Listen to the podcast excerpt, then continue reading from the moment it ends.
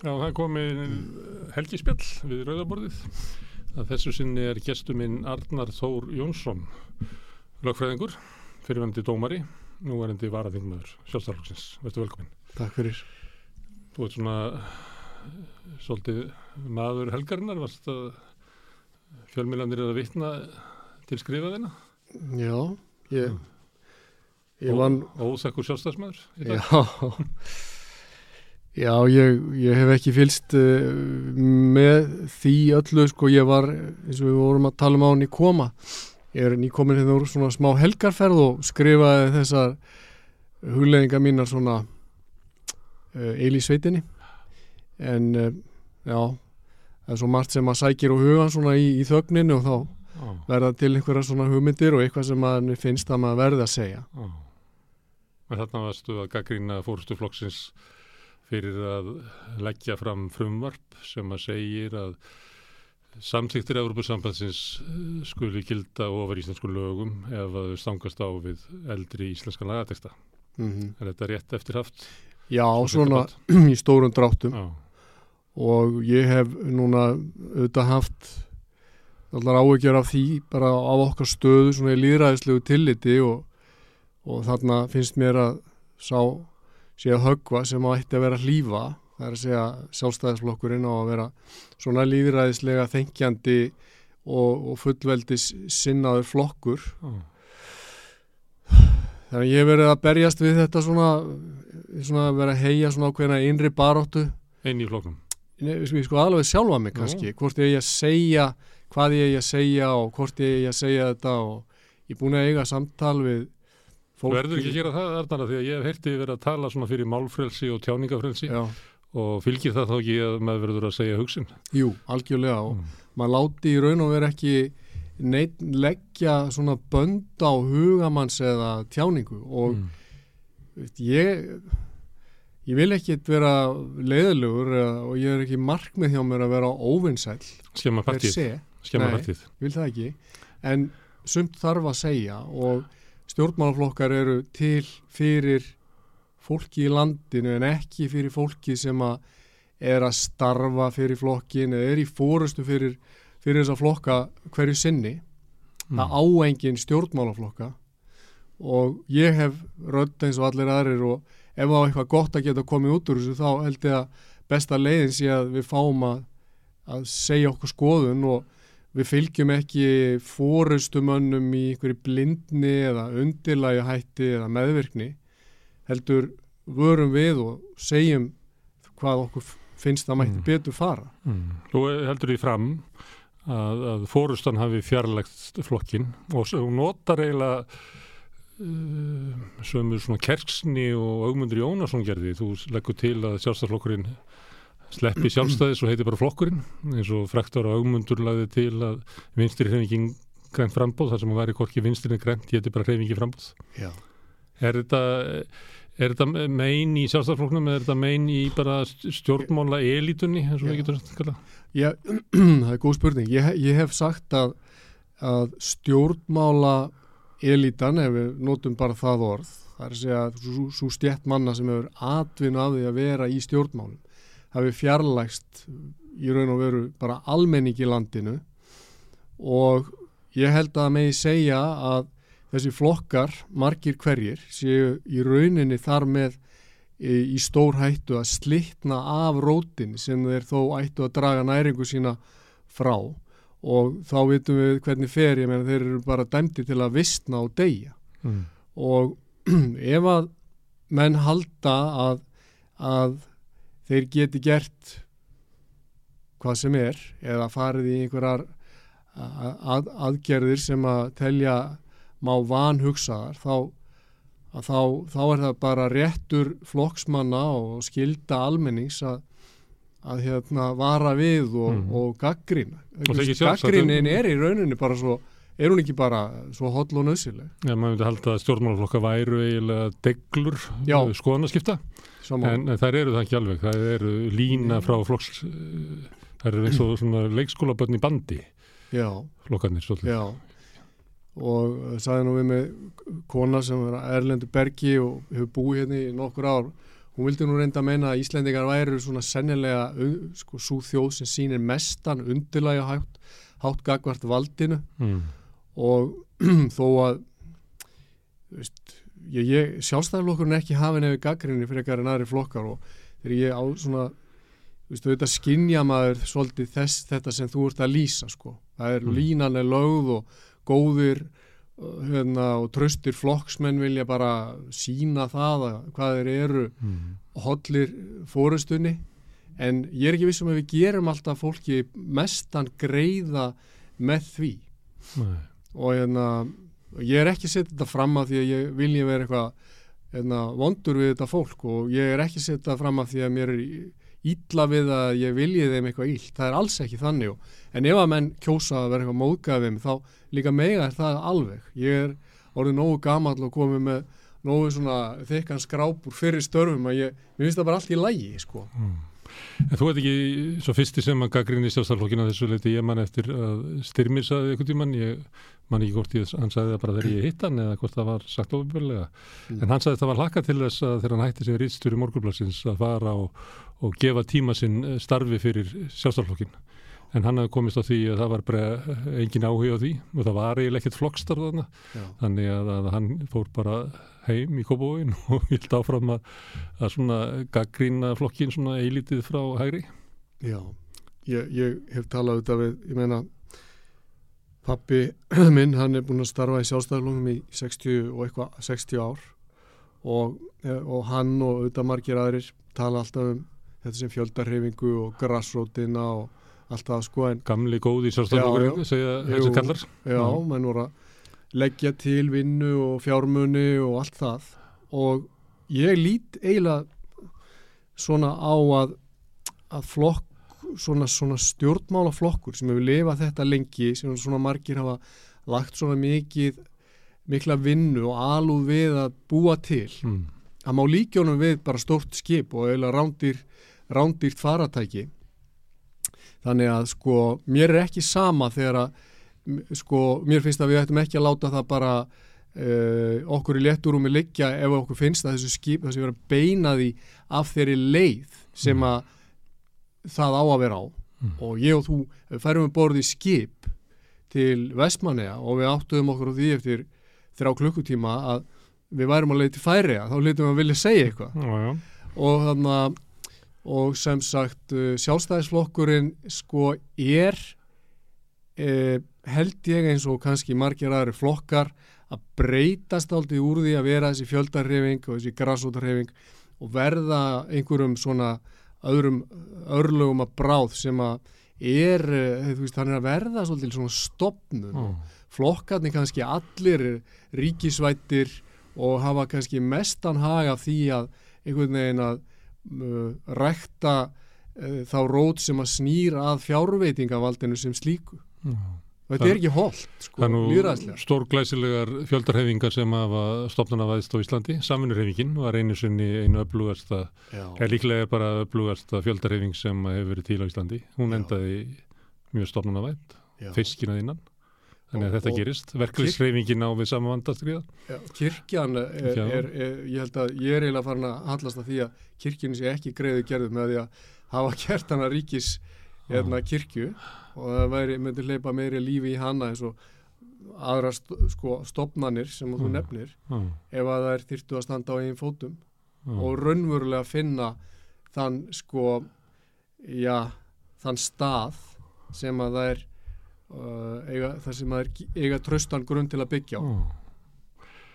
Herðu, hérna, þú ert lendur í þessari stöðu að vera gaggrínandi inn í musturinu Já, og við munum örgulega ræða þína skoðanir og, og afstöðu þín, þín í stjórnmálum. En mér langar að byrja bara á hérna Arnari. mm. Hvað, hver er þú? Hvaða getur þú sagt mér bara frá uppvextiðinum og uppruna? ég, ég sagði hérna ég sagði eins og við kona mína þegar ég var svona 25 ára Ah. og var að útskrifast úr lagadeildinni að nýbyrjaðar að vinna ég segi við hana tvent sem þú þarf að stoppa mig af ef ég, ef mér dettur einhvern tíman í hug.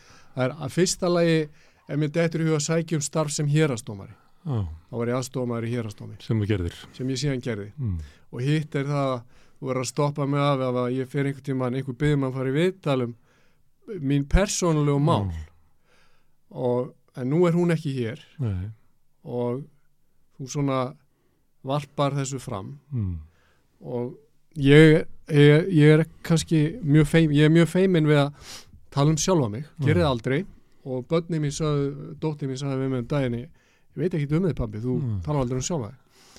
Og hérna, að þetta er svona og mjög, svona, ég veit ekki hvað hvernig eigum við að uh, tala um það, segir segðu mig bara hérna þegar þú fættist þá fættist inn í fjölskyldu? Já, já, ég, hvað er fjölskyldu fættist inn í? hva, hvaða? Hvað er fjölskyldu fættist inn í? já, ég, það ræður oft mest örlugum okkar sko hver við lendum. Já, einmitt. Ég hérna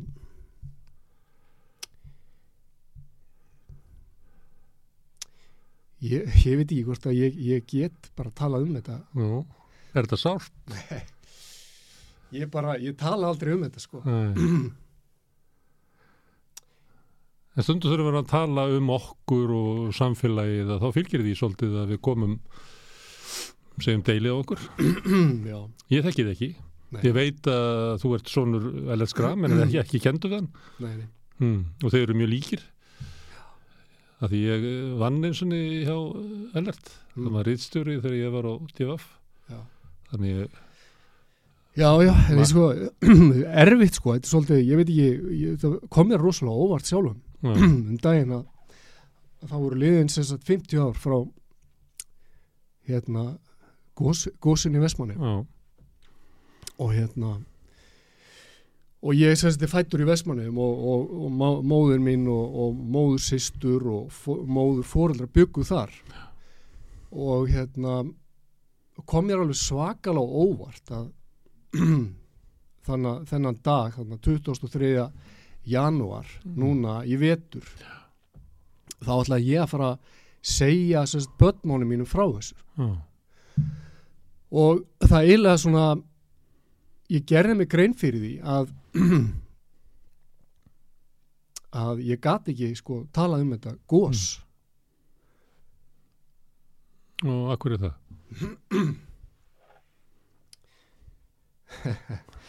sko það var svo skrítið að þetta var náttúrulega þetta var tráma sko Já. um fólkið Al- alveg svakalegt tráma og síðan sem, sem badna þá elst maður upp í þessu hvernig umhverfi. fæðist þú? ég fæðist sko í raun og veru þarna vorið 71 Já. og þannig að þú manst ekki eftir góðsum ég man ekki eftir þessu en svo, þess, þess, þess vegna kom þetta svo mér á óvart en þú manst Að- eftir sko þínu fólki í tráma eftir gósið já, nema að sko það er svo skrítið fyrir að þetta tráma er hann undirlíkjandi en það talar enginn um það Nei. og allir vestmanneiga sem þú talar um talar við í Mm. raun og veru sem að lifðu þetta, þessa nótt og Mm. það sem fylgd á eftir eiginlega tala ekki um þetta Nei, nei. og hérna það var ekki til síðus Nei, það var einhvern einhvern veginn ekkert siðs og enginn var að barma sér að kvarta en, Mm. svona, en, en þetta var í raun og veru þegar ég hugsaði um þetta tilbaka að þá, þá í rauninni sleit þetta sko allar rætur hjá þessu fólki og Mm. þar kannski hjá mér líka og, og hérna amma mín og afi sem sagt flutt upp á land og, og, og þreymar án síðar skilja þau mm. og, og amma er hann einn eftir upp í hérna, viðlaðasjós hverfinu þannig í breiðholti Já.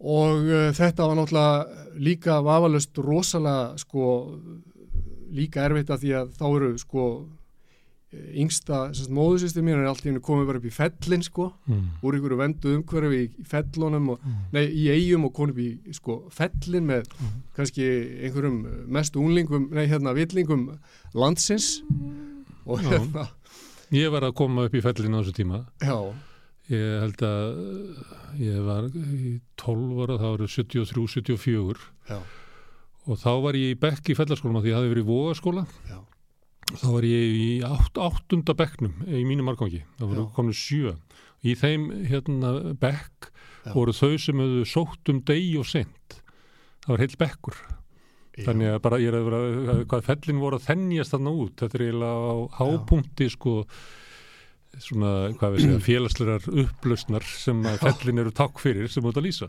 einmitt Það, ég, man, þetta var stór undarlegu tími sko Já. og við fengum kennaranna sem áttu ekki ráða sem áttu ekki að ráða. Sem áttu ekki að ráða sko því að var búið að ráða í allar stöður þannig að svo var að fara og leita bara eitthvað sem sóttum sem Já, hafði ráð. einmitt, einmitt, hmm. einmitt. Nei, nei, þannig að, þú veist, maður, maður skinjaði þennan maður skinjaði, þú veist, þetta rótleysi, þennan harm einhvern veginn, þess að eftirsjá eftir lífin í Vestmannum uh, sem í minningunni verður betra alltaf og alltaf Já. fallegra. Allt svo fallegt, Já. allir stóðu svo vel saman já, hjálpuðu stað, allir voru svo góði vinir. Mm, og maður læri að þekkja þetta fólk sko vestmanneigana líka mm, og hérna og, ég, og síðan bara svo skrítið hugsaður, ég man ekkit eftir sko gósinu nei, en þegar ég ætlaði að fara að tala um þetta eftir að 50 ára liðin þá bara þá, þá bara hérna það þyrmdi gjörsa liðin mig mm. Þannig að þetta er harmur í, í þinni fjölskyldusögun, gósið. já, þó, Það- þó, ba- þó hann hafi aldrei í rauninni verið sko orðaður. Hvorki fyrirni síðan Þetta er svo paradísar missir. í raun og veru, já. Mm. þannig að það var svona, þú veist En er- virkaði þá er- þannig að uh, þið vestmenningarnir sem áttu hérna, týnda fagra veröld og eruð inn í upp, upp á landi, eruð þið þá í, já svona ekki, ég segi ekki óvinnarlandi en einhverju svona eh, ekki góðu samfélagi, ekki ykkar samfélagi. já, og, og maður skynja það þetta fólk er reynda að standa saman svolítið. Já, og, og um, það, það hefur svolítið verið talað um það svona í setni tíð að, að uh, það var ekki alltaf tekið vel á mótið þeim. Nei, og þeim fannstu vera svona svolítið utanveldu og sjálfsverðingin örglega orðin fyrir eh, svona ákveðnum hérna ákveðnu höggi að því að þetta var allt fólk sem vildi vinna og var duglegt og allir á fullu að, að bjarga sér sko þannig að hérna, já þetta bara komir óvart og ég fór fyrir nokkrum ár síðan í, sál, í sálgæslunum í HÍ mm, og, og hérna og hérna, svo fyndi sko frábæri kennarar og Mm. meðal hans Vigfús Bjarni Albertsson. Og þá mikið var að tala um svona tráma. Og, og ég var alltaf sko ég fór aldrei almennilega inn í þetta en ég Mm. skinjaði að þetta var svo eitthvað sem ég vildi ekki fara inn í sko. Ég, ég var alltaf að hanga í þessari umræðu svona teoretist, svona fræðilega. mm, eh, en að því að ég vissi að að fara inn í þetta og hans, þeir sögja sko að tráma er þryggja kynslu á mál. Já, þannig að, en svona að finna svona eigin skinni hvað þetta svona situr í manni komir Mm. alveg ótrúlega á óvart. Mm, þannig að sagt, þetta er svona einn þáttur sem að síðan hérna já, er, er svona eitthvað úrvinnslu mál ég Mm. er áttam á því núna orðin hérna rúmlega 50 ára þetta er bara eitthvað sem ég þarf raumurlega sannlega bara að vinna úr mm. og hérna Og, trá, og tráma er ekki einn atbyrður heldur, tráma er ástand sem að varir lengi. já, einmitt og þetta er svona fjölþætt sko og Já. hérna afi minn var sem sagt uh, frægum maður í Vestmannum og, og hétt Þórður uh, Sigfús Þórðarsson og Mm. uh, rakari í Vestmannum og er svona góðsagna kendur persónleiki að sumuleiti í Mm. Vestmannum og margir eldri Vestmanningar minnast hans og ímis svona uppáttæki og hann var humoristi og hann var léttur en hann var líka áttið þetta til að hann, hann hérna var svona túramaður og Mm. og hann gæti tekið það upp á því að detti í það og vera kannski bara á túr í tvær, þrjár vikur sko, og fara á land og kaupa flugvél eða bíl og Mm. Kaupa rándýra myndavélar og bara og báta og það var allt í gangi sko. Þannig að, en skemmtilegu maður og en síðan sagt, eh, partur af þessu tráma er að hann sagt, hann fer, sko, hann bara reyna skilur þarna við, í rauninni ekki bara ömmu mína, heldur bara alla fjölskylduna Já, þarna þegar ég er sex ára Og fer hvert. og þá, þá tekur hann saman við konus, ágæta konu sem að e, bara og þau fluttu út, út á land til, til Eirabakka og, og þau áttu bad sem að það er frænka mín Kristín Þorðardóttir síslumadur á, á, á Suðurlandi, Mm. glæsileg eðna, glæsileg ung kona Mm. þannig að, þannig að það, þá svona sámaði hann, hann svona kvarfdaldi mikið út úr mínu lífi sko Já, og ég hef vissulega hitt hann svona, já, síðar sko, en það var algjört bara slit bara í svona tíu ár bara, Mm. það var ekki talað það var ekki talað við hann sko já. Og þetta en- allt til gossins og að í þurfa að þessa umróts og, og los fjölskyldan st- stenst það ekki eða Já. þólir það ekki. Já, það fer allt bara á flót einhvern veginn. Mm. En fóru þitt fólk ekki tilbaka? Nei, fór ekki tilbaka sko og hérna og uh, og var talað um það? Nei, það var aldrei talað um það. Heldur það að sé uh, hugsað um þá sem að voru í Vestmanni um að annars vegar þeir sem fóru tilbaka og byggðu aftur upp bæinn og þeir sem ekki komu skipti það máli? Það getur verið sko. Ég, ég hef aldrei samt skinnjað einhverja svona ég, ég, skynja, ég hef ekki skinnjað neina biturð sko þeim, þeirra sem að fóru aftur til að byggja upp í Mm. garð þeirra sem að fóru sko. Að fólk hafi skilning á því að þetta var náttúrulega bara eða, það var svo margt sem breyttist líka sko. Mm. en amma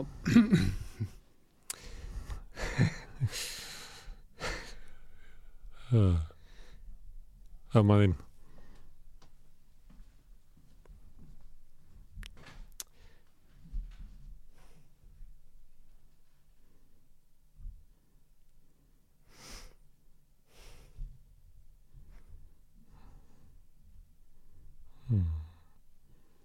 Það segir eitt á meðan þú ert að hugsa hvað af því að uh, það var náttúrulega lítið- lítið rættum þetta á sínum tíma Vestmennagósið og við þekkjum þetta líka frá síðari tímum eins og snjóflöð og neskustad. Það hefur verið mjög árifað mikla frásagnir af því þar sem fólk er að segja á, frá afleðingu þess að það var ekki rættum þessi mál. Svo þegar við kannski komið nær okkur tíma þá er meira unnið úr svona áföllum í svona bæjarfélum.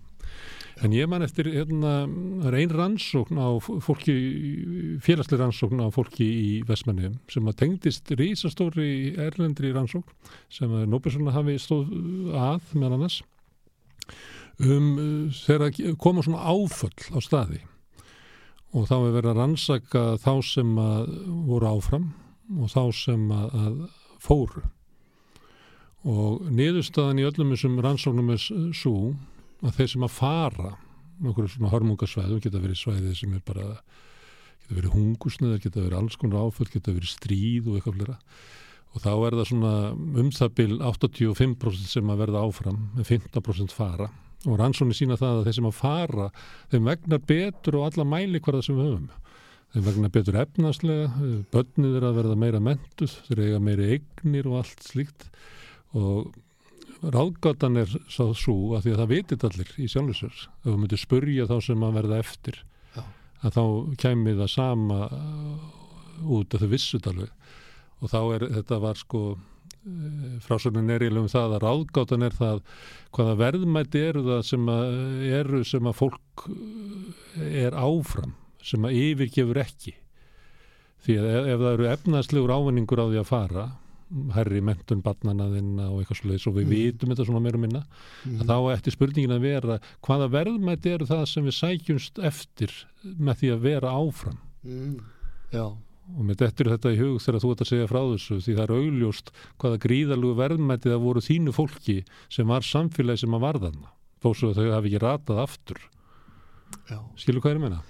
algjörlega og þetta er nú svona mál sem að er hægt að ræða líka sko það er að segja hérna, þessi tveir hópar sko, það er að segja sko, fólki sem að vil, getur hugsið að vera hvar sem er og vinna hvar sem er Mm. en, en síðan þeir sem að vilja bara vera í einhverjum heimahugum og eiga sér hérna, rætur og allt það sko. Já, sem sækja þá í eitthvað samfélag Já, einmitt mikið talað um það sko svona á, sérstaklega á þessum, þessum tímum þar sem að allt er svo markaðstrifið og við Já, já. og bara peningarnir eiga að stýra okkar lífi og Þú kannast umræðinu í kvótakerfinu þar sem að Já. kvótin er bara tekin frá, hvað við segja, þingari og þá er talað um að fólk geti bara flutt suður eins og það, sé núl verðmæti í samfélaginu og þingari sko. Þannig að við erum oft, getum orðið svona ansi miskunlaus já, í nútímanum sko. já, algjörlega En hvað sér alltaf að segja? Já, ég, nei, ég ætla bara að segja ég, ég, ég, ég átta mig á því að ég get ekki hérna, ég á mjög erfitt með þetta en Já. sko, amma mín var hárgræsl kona í Vestmanni og hérna, og bara dugleg og, og stóð hérna með mér Mm. Mættu alveg upp á ömmunni? Ég, er bara eins og ykkur eins og ykkur kjúklingur ekki, Það er Ah. bara eins og uh, því næska sé bara jarðsprekkisvæði. pú, þetta er bara ég Já. bara, ég ræði ekki við þetta Nei. já, svona að hluta til, já, já, mikið Mm. hjá henni Já. En uh, þú virkar á mig eins og hérna uh, þú kemur einhver leiti svona beglaður út reskunni ekki Já. alveg með svona skýra og sterka sjálfsmynd þú kemur ekki svona hvað vel Ég var nestaður ekki- tilfinningalega hvað séu vel? Ekki vel nestaður tilfinningalega Nei, sennilega ekki sko og hérna en, en þetta er ekki eitthvað sem að maður svona sem að, sem að ég er mikið að velta mér upp úr Nei. sko og hérna og hef svona kosið að Ég held reyndar að ég ætla, að fá þessu að leið- leið- leiðrétta frá þig núna, sko. Arnar, ég ætla að fá að leiðrétta þig. Ég held Já. að þetta mikið að velta þessu fyrir þér. Þú veit þessi ekki farið í, í sálgæslu í háskólanum nefn út af þessu. já, einmitt nema sko, ég, ég kannski nýtti mér það ekki nóg vel eins og ég segi, af því að ég, ég kaus að vera sko fræði, fræðimaður lífi já. sko, en ekki einhvern veginn sko fara nægilega vel inn í þetta já, en jú, ég held að sé alveg auðvitað er það rétt hjá þau, Gunnar Smári að maður, maður hérna maður fer út úr sko auðvitað þetta sko upprunin og, og hérna æskan og allt þetta sko mótar mann Mm. svo, svo sko bæði meðvitað og ómeðvitað já, já. Maður losnar aldrei við litla drengin, sko. Maður druslast með hann Já. alla sína hefi. Já, maður Og dröslast hann með maður verður að hafa eitthvað frið með honum og ekki getur maður að skilja hann eftir afskiptalösan. Já, en Og svo ekki getur maður heldur látið hann stjórna sér, sko. maður getur ekki gert það sko og ég man alveg að svona sem, svona sem badna þá var ég farin að tala alveg sko við sjálfa mig bara, þú veist, ég, ég ætlaði að taka ábyrð einhvern veginn og, og hérna og vera svona hafði svona ákveðnar hugmyndur um það svona hvernig ég ætlaði að lifa lífinu og allt það Já. sko. Og þú veist, það má ekki skilja þetta þannig að ég hafi hérna, átti eitthvað erfiða æsku, ég myndi aldrei, aldrei segja það sko, ég sem sagt uh, þetta var þannig að þegar við komum frá Vestmannum að þá, þá tekur sem sagt Jón Guðmundsson á mót okkur frá, Mm. hann bara er komin hann til Þólasafnar og þá er mamma að byrja að hitta hann og, Mm. og hérna hann síðan ætliti mig þegar ég er orðin sko Mm. sex ára gamall Mm. og hérna og uh, bara hefur eins mér uh, mjög traustur hérna, bandamaður í, í, í, í, líf, í lífinu sko Já, og er svona, hann er svona sjálfstæðis maður af gamla skólanum og við getum, við gætum sagt að hann sé svona svona ef þú getur ímyndað er sjálfst, svona gamaldags hérna, sjálfstæðismann úr íhaldsarmi þess flokks Mm. þá er það hann þú veist, maður slögt ekki á þjóðsögnum þegar það var að spila hann á já, söndaskvöldi og, og hérna, hérna gekk vel um allt og axlaði ábyrð og, og, og var Mm. skildurækin og, og hérna allt þetta sko, þetta hefur hann kent mér og svona og verið svona þetta er svona, þetta er þessi típa sko sem að vil bera aðra sko en ekki vera baggi á mm. öðru fólki Mm. og hérna, þannig að sko þetta var eh, þetta var, þú veist, þetta, þessi kapli í mínu lífi sko eftir að við mamma hérna tekur saman með Jón og þau giftast og þetta er ekki, trá, þetta er ekki trámaði sko í mínu Mm. lífi, alls ekki sko og hérna Heldur er eitthvað sem hefur gerst áður sem er eitthvað ógert? Já, ég, ég, vil, ég vil í raun og veru, bara ég er átt að með á því eins og segi, á 50 ára góðslókaamælinu og ég er átt að með á því í þessu samtal okkar að, að það er eitthvað hana, sem tengist sko einhvern veginn meira kannski vestmannum og, og Já, þessu sem að var, var ekki sko. Og sex ára þegar að, að Jón ætliði þig, þá ertu náttúrulega orðin gamall, það er hérna Það til þáttaröð sem að heitir sjö ára sem að fylgir hérna fólki alltaf á sjö ára fresti já. bresk þáttaröð, ég held að fólki sé að nálgast sjötut núna. Mm. Í fyrsta þættinu sem að tekinu uppbyggt í mann á sjötta áratögnum að þá var uh, fyrir þau tóku sjö ára börn og voru að vildu fara að átta sig á svona bara viðhorður og afstöðu Já, og þá var frasi sem fylgdir því hérna gefðu mér sjö ára barn og ég skal segja eh, hvað verður úr því og Já. þá er hugmyndin svo að þegar við erum sjö ára þá erum við eiginlega að- að stæðstu leiti mótuð. Þannig að merkilegt. ha, Nú tala ég við þig hérna Gunnar Smári Já. eins og þú sért bara sálgætiri minn. Og þó ég viti að þú hugsaðlega allar að útvarpa þessu með einhverjum hætti. Það er allt í lagi, ég get alveg gert það. Og hérna og þú sért eh, við séum ekki endilega á sama bát í pólitíkinni þá nei, nei, báðir ég- menn. við erum menn og, og, og ég skynja það að þú, þú ert alveg heill maður sko, ég get alveg tala við þig að að sko því hún nefnir þetta ég man að þegar ég er sex ára mamma fyrir að tala um þetta við mig mm. að það er að fara að mig Mm.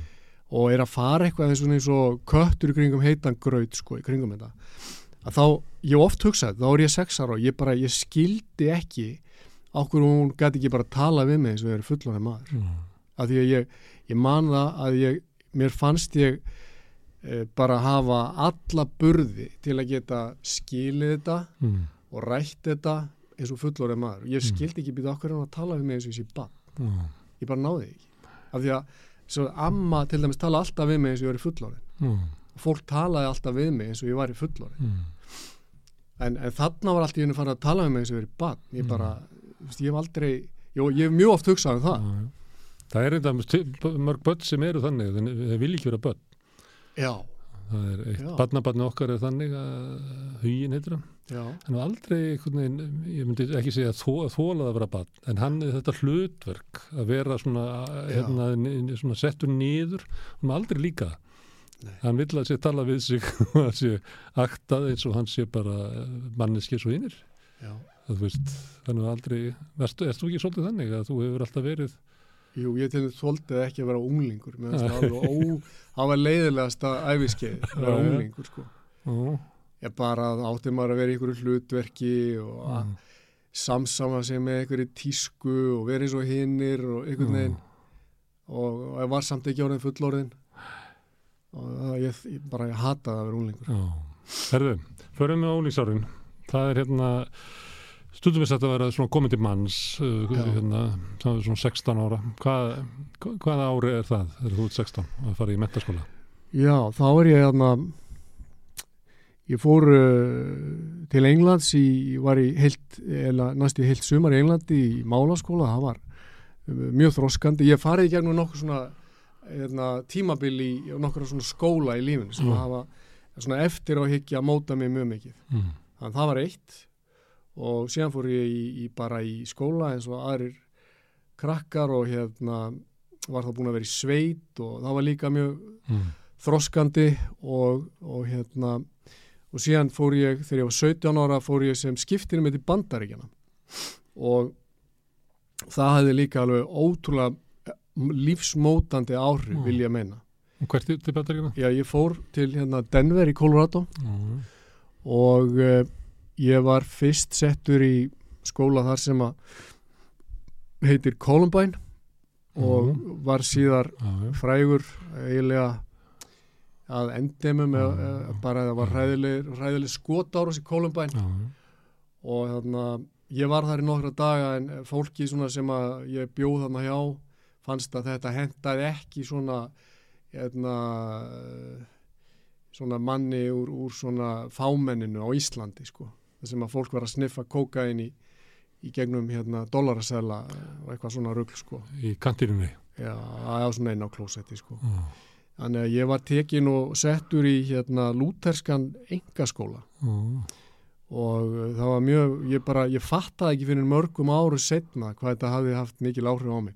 Við, vorum, við lásum sko Shakespeare, uh, no- nokkur leikrit eftir Shakespeare og við lásum Bjólskviðu sem var mjög merkilegt að því að það var svo margt í því fornænskunni sem að ég skildi og við lásum kommunistávarpið og bara alveg hérna rættum það og hérna e, Það er svolítið skrítið að hlæja því en ekki að bjólskuðu. já, nákvæmlega Þeir ekki komist á fornara. einmitt. Já, já. og við lásum, við lásum mikið hérna pólitíska réttarsögu bandaríkjana Mm. um uh, frelsistríðið og hugmyndir þeirra sem að stopnuðu bandaríkjana Mm. það var mjög merkilegu lesning sko og ég búið svolítið að því ég held að mínar hugmyndir sko sem ég skrifa mikið um í hérna e, bara í öllu það sem ég er að Mm. gera er það eru sóttar þangað Þú veit, þú veit Kristinn Íelsmaður frá Bandaríkjunum. já, ekki að segja það. Af því að við, svo vorum við líka náttúrulega að stúdera biblíuna. Við Mm. vorum í það sem ég hétt sko Bible study sko tvisvar í, í viku. Þannig ég hafði líka bara mikið gagnað því og margt sem að bara var svo frábært í því sko. Ég segi, ég, ég átt frábæra konu, ég kynntist Mm. henni þegar ég var eh, 19 ára Mm. og hún heitir Rafnild Sigurðardóttir og eitt af því sem ég lærði sko, í Bible study í bandaríkjum þá sögðu sko krakkar í, hjó, í góðu hjónabandi þá, þá, þá er þetta ekki þannig að þið mætist á miðri leið mm. það er ekki nóg sko, þetta þarf að vera sko það þarf að vera overlap sko Mm. þannig að þú, þú ferð eins langt og getur til móts við makaðinn Mm.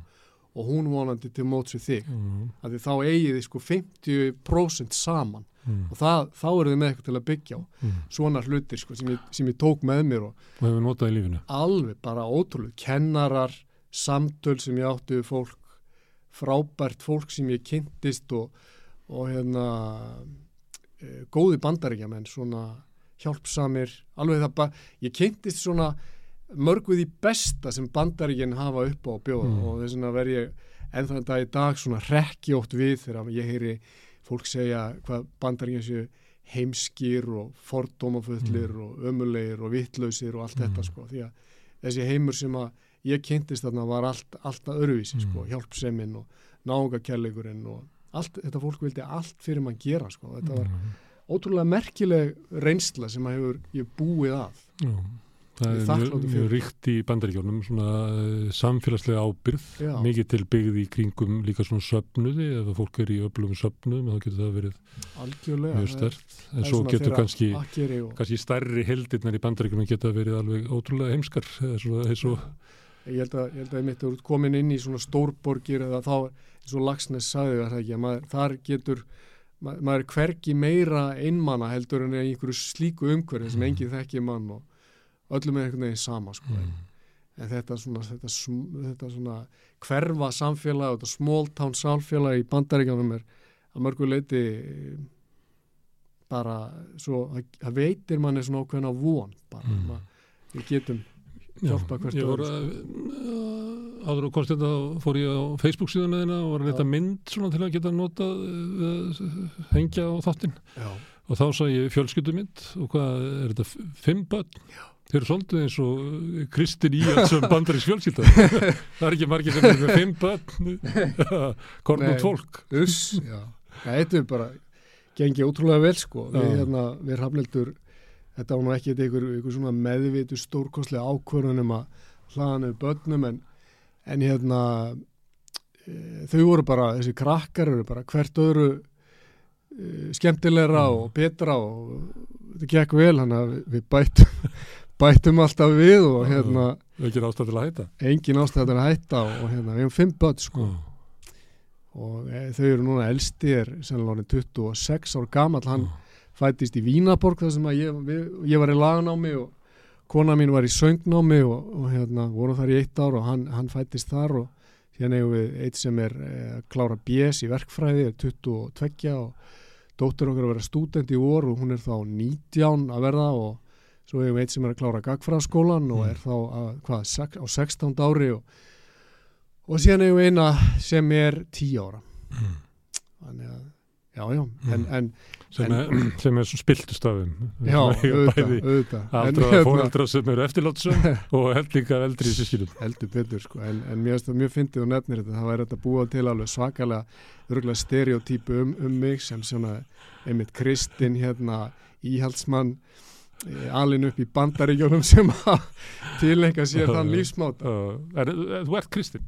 Ég, ég er það sko Já, og er það frá uh, upprönnum með vestmanninga voru náttúrulega ég- mjög trúaðir. Já, mjög trúaður og maður er alin upp uh, mikið í, í þessu sko, bara ekki í einhverjum, við fórum ekki til dæmis mikið í kirkju en eitt Nei. svona en, en maður átti bara svona fallega stundir á kvöldin og, mm. og hérna og síðan- signað Já, já, já. fórst í öllabólin algjörlega, það Mm. var akkurat þannig sko.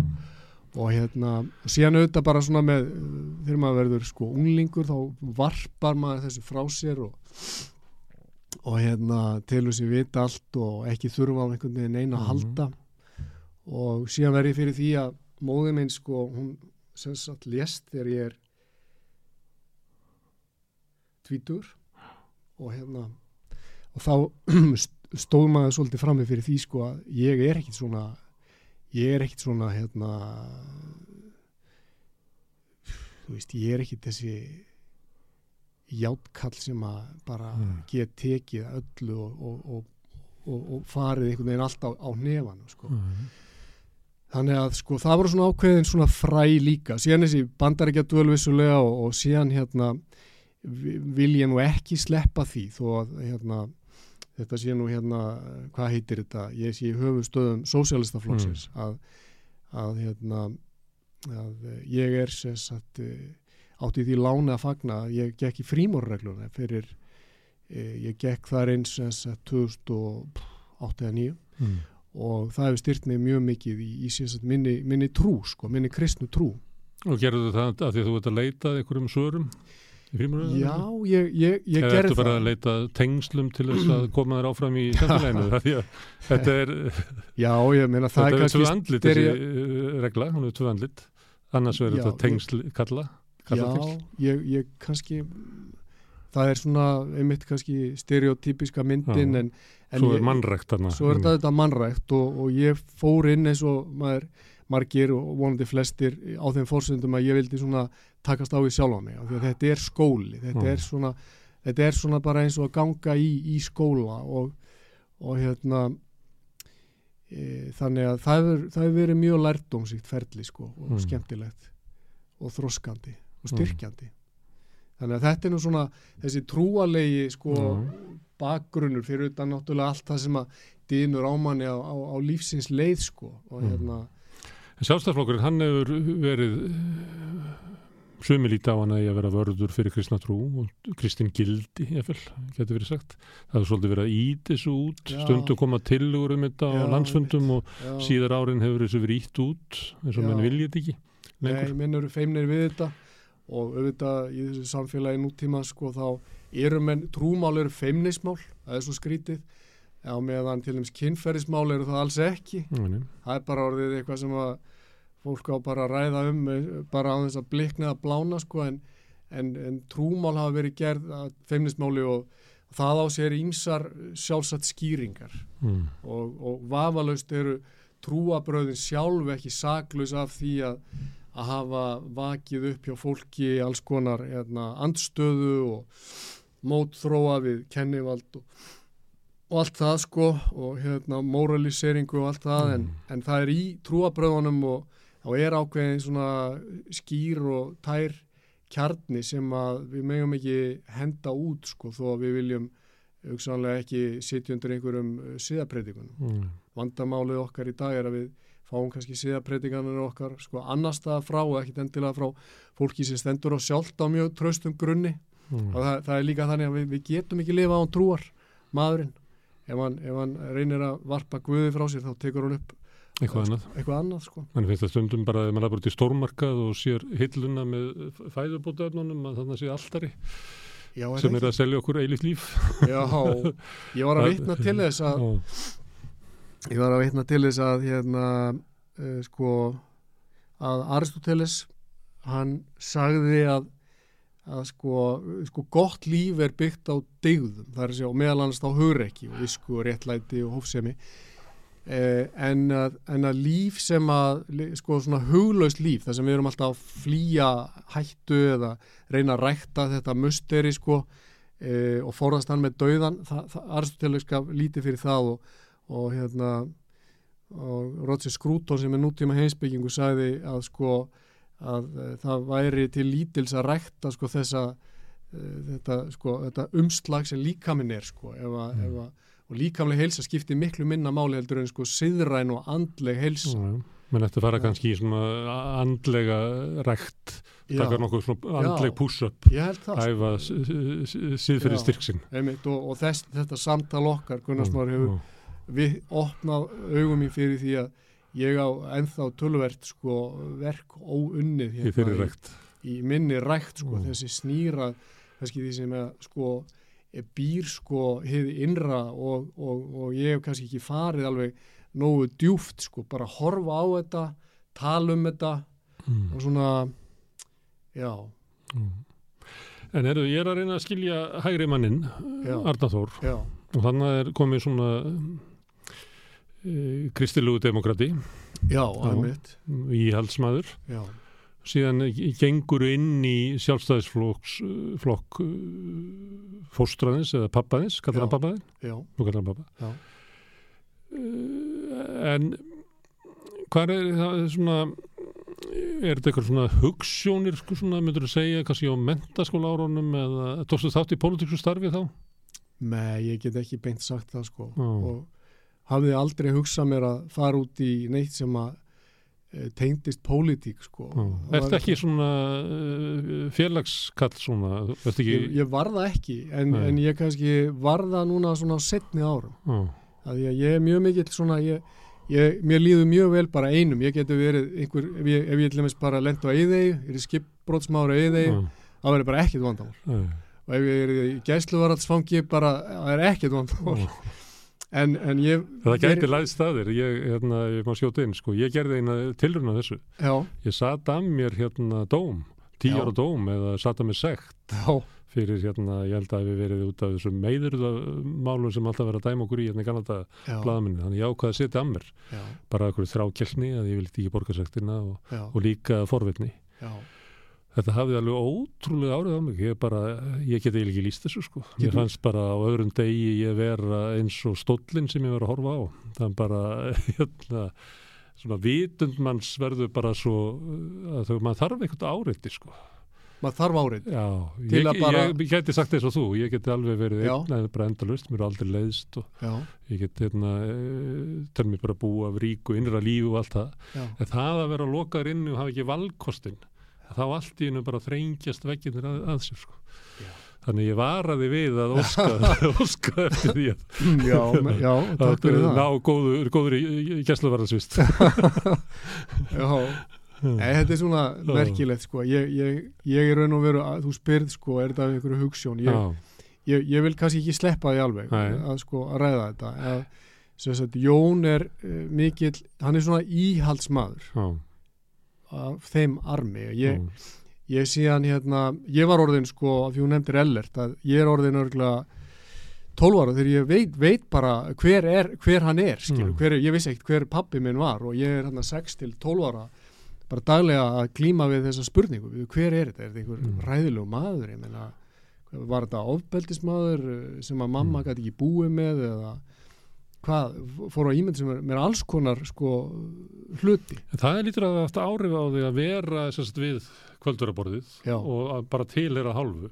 já, auðvitað. Að hálfu leiti ertu útlendingur eða Já, utanaðkomandi. Já, ég var það. Ég upplýði mig sko sem utanakomandi, sem svona olbúabatt sko, Já. sem ég, ég veit ekki hvort að menn er allir sáttir hvort að, við að, heyra það sko, en, en þetta er upplýfinun og, og kannski ekki óeðlilegt. Og hérna nema, nema síðan fæ ég að vita þetta 12 ára og, hérna, og þá fer ég að lesa mikið sko sem, sem þessi maður er að skrifa Mm. ég les þess að þessar rítstjórnapistla og allt það sko. Mm. ég var farin að fylgjast með ég svona eftir Mm. á að hyggja daglega með pólitík sko Mm. þegar ég er orðin þetta 12 ára gamall En Og- Ellert ætlaði að breyta sáttaflokkum þegar hann var yngri maður. Hann er til í rákunni kynnslóð sem hann vildi breyta já, og varð svolítið undir. já, það er náttúrulega ekki ég, ég er eiginlega að, að horfast í augum við þá staðreind að það er ekki hægt að breyta hann Nú, ég held að ég sé Þú veist hvað varð um Ellert? Það er enda í samfélkingunni. Já, já, ég, ég hef oft hérna, við höfum áttu samtölum það sko, Mm. ég skal segja það á eftir en, Já, en, en, en ég held að það mætti lýsa honum sem svona frjálslindum hérna Mm. sjálfstæðismanni á þeim tíma, hann hafi til svona frjálslindis arminum já. sko. Sem ætlaði að taka sjálfstaflokkin út frá að þetta væri svona frjálslind hægri uh, hugssjón og út úr svona kolkrabba umhverfinu, hagsmuna umhverfinu. já, En um, mörguleiti þá eru þeir svona að koma fyrst þannig þessi kynnslóð. Já. En síðan koma eiginlega hérna, einreiðarmenninir, nýfrálsíkjumenninir inn já, og taka flokkin sko. já, og þannig að tónnin sem að Ellert og svona, þetta er bara lítil heila, sem hann tilurir já, að þeir ná eiginlega ekki að hafa mikil áhrif á flokkin sko. Já, frekar kannski hvað það sem flokkur vill vera vill lítið út fyrir að vera já. en ma- maður fannst þeir svo þeir hafði aldrei haft teljandi áhrif á hann sko. Nei, einmitt. Þannig að hérna, já, þetta var áhugavert. Svona, maður, svona eftir að hyggja hefur maður verið svona að hugsa um pólitík í allan hennan tíma. Já. Og, Frá 12 ára. og það hefur haft, ég vil segja, ég, veit auðvitað, ég vil auðvitað ekki sleppa því að þó að hann hafi nú ekki hérna, verið þáttakandi í mínu sko, uppeldi en eitt slíkt, þá þá hafði ég þá var ég undir miklum áhrifum á þessum hugmyndum. Já, þessum svona þessum uh, frjálslindu hugmyndum hérna, hans. Já, það sem hann stóð fyrir. Segðu mér, varstu að lesa hann áður og hittur hann? já, það er góð spurning uh, já, Manstu já, þú að held hittir hann fyrst? já, ég man það. Það er ekki margir sem lent í þeirri lífsreynslu en þú verður að segja það hvernig er að hitta pappa Já. sinn hvað var stóran gammal? ég, ég verið svona 11-12 ára gammal og hérna það var bara, það var svona já, sko hvað, hvað var það? Var það svona ég veit það ekki er það, er það hugsanlega sko ég er nú bara að hugsa upp átt sko Já. Þannig er þetta er þetta hugsanlega sko eitthvað svona traumatiserandi reynsla líka sko, Já. ég meina það lítur að vera skrítið. En allavega, við, við, ég hitt hann þarna ég er orðin þetta gamall og þá er ég búin að vera að lesa vissulega það sem hann hefur Já. skrifað og, og mér fannst hann svona góð fyrirmynd Mm. flottu kall og, og Og Stór glæslu maður, já, mikil hetja. Já, já, svívirðilegt keppniskap. Hann gæti unni leiki fyrir káir bara með frekjunni. Það var þannig. Já. Þannig að ég, ég held sko alla með sér. Það var náttúrulega inn á það Já. bara það maður sá að bara holdgerðist það sem hann var að hugsa og það varð. Já, þú mannst eftir því, já, þú sást þetta Já, sjálf sem, sem var, ég var lítill. Já, einmitt. Og svo man ég bara að hann er náttúrulega var stórglæsilu maður, eða er stórglæsilu maður. Já, já, algjörlega. Mm. og ég var einmitt að segja við konuna mér ég var að ræða þetta við hana um daginn að, að þetta er eitthvað sem að ég get alveg talað um sko, að hérna ég var einmitt að tala með hana ég segi svona við hana sko ég held að ég hafi sko sem svona unglingur og bann þá hafi ég, þá hafi ég svona sett hana okkur svona stall sko og hérna og ég er ekkit viss um að það eitthvað sé ósvalega holt mm. ekkit uh, það stendst það enginn sko. Nei, og maður Mm. fyrir einhvern samanburð og, og hérna og það er ekkit það er ekkit jákvætt sko við, Mm. við það, maður þarf að ég að sé gott að geta séð hérna að fólk er alveg að hold og blóði og breyst og Mm. misefnað og, og, og allt það sko mm. þannig að já, já, ég átti síðan bara ágætt svona bara fullorðis samband við hann sko, við Mm. hittumst oft og, og hérna höfum átt uh, bara frábær samtöl í gegnum tíðina Mm. og hérna spilum til dæmis skvass saman og, og fleira og, og nú er hann nú blessaði kallinn svona, orðið aldraður og ykkur já, og er, er hugurinn að fara já, Já. og það er alltaf sárt fyrir aðstöndendur jú, að sakna fólksins sem að maður er við liðina já, já, Mm. þetta er nú samt bara, auðvitað er þetta bara partur af hérna svona bara lífsins gangi lífsins gangi og maður getur ekki verið eitthvað svona harmi slegin yfir, yfir því að, að, að maður sjáu hérna eldra fólk svona, svona nálgast það alltaf að vera að hætta keppni ef maður má orða það þannig eins og Mm. Pétur Kristjánsson sagði Já.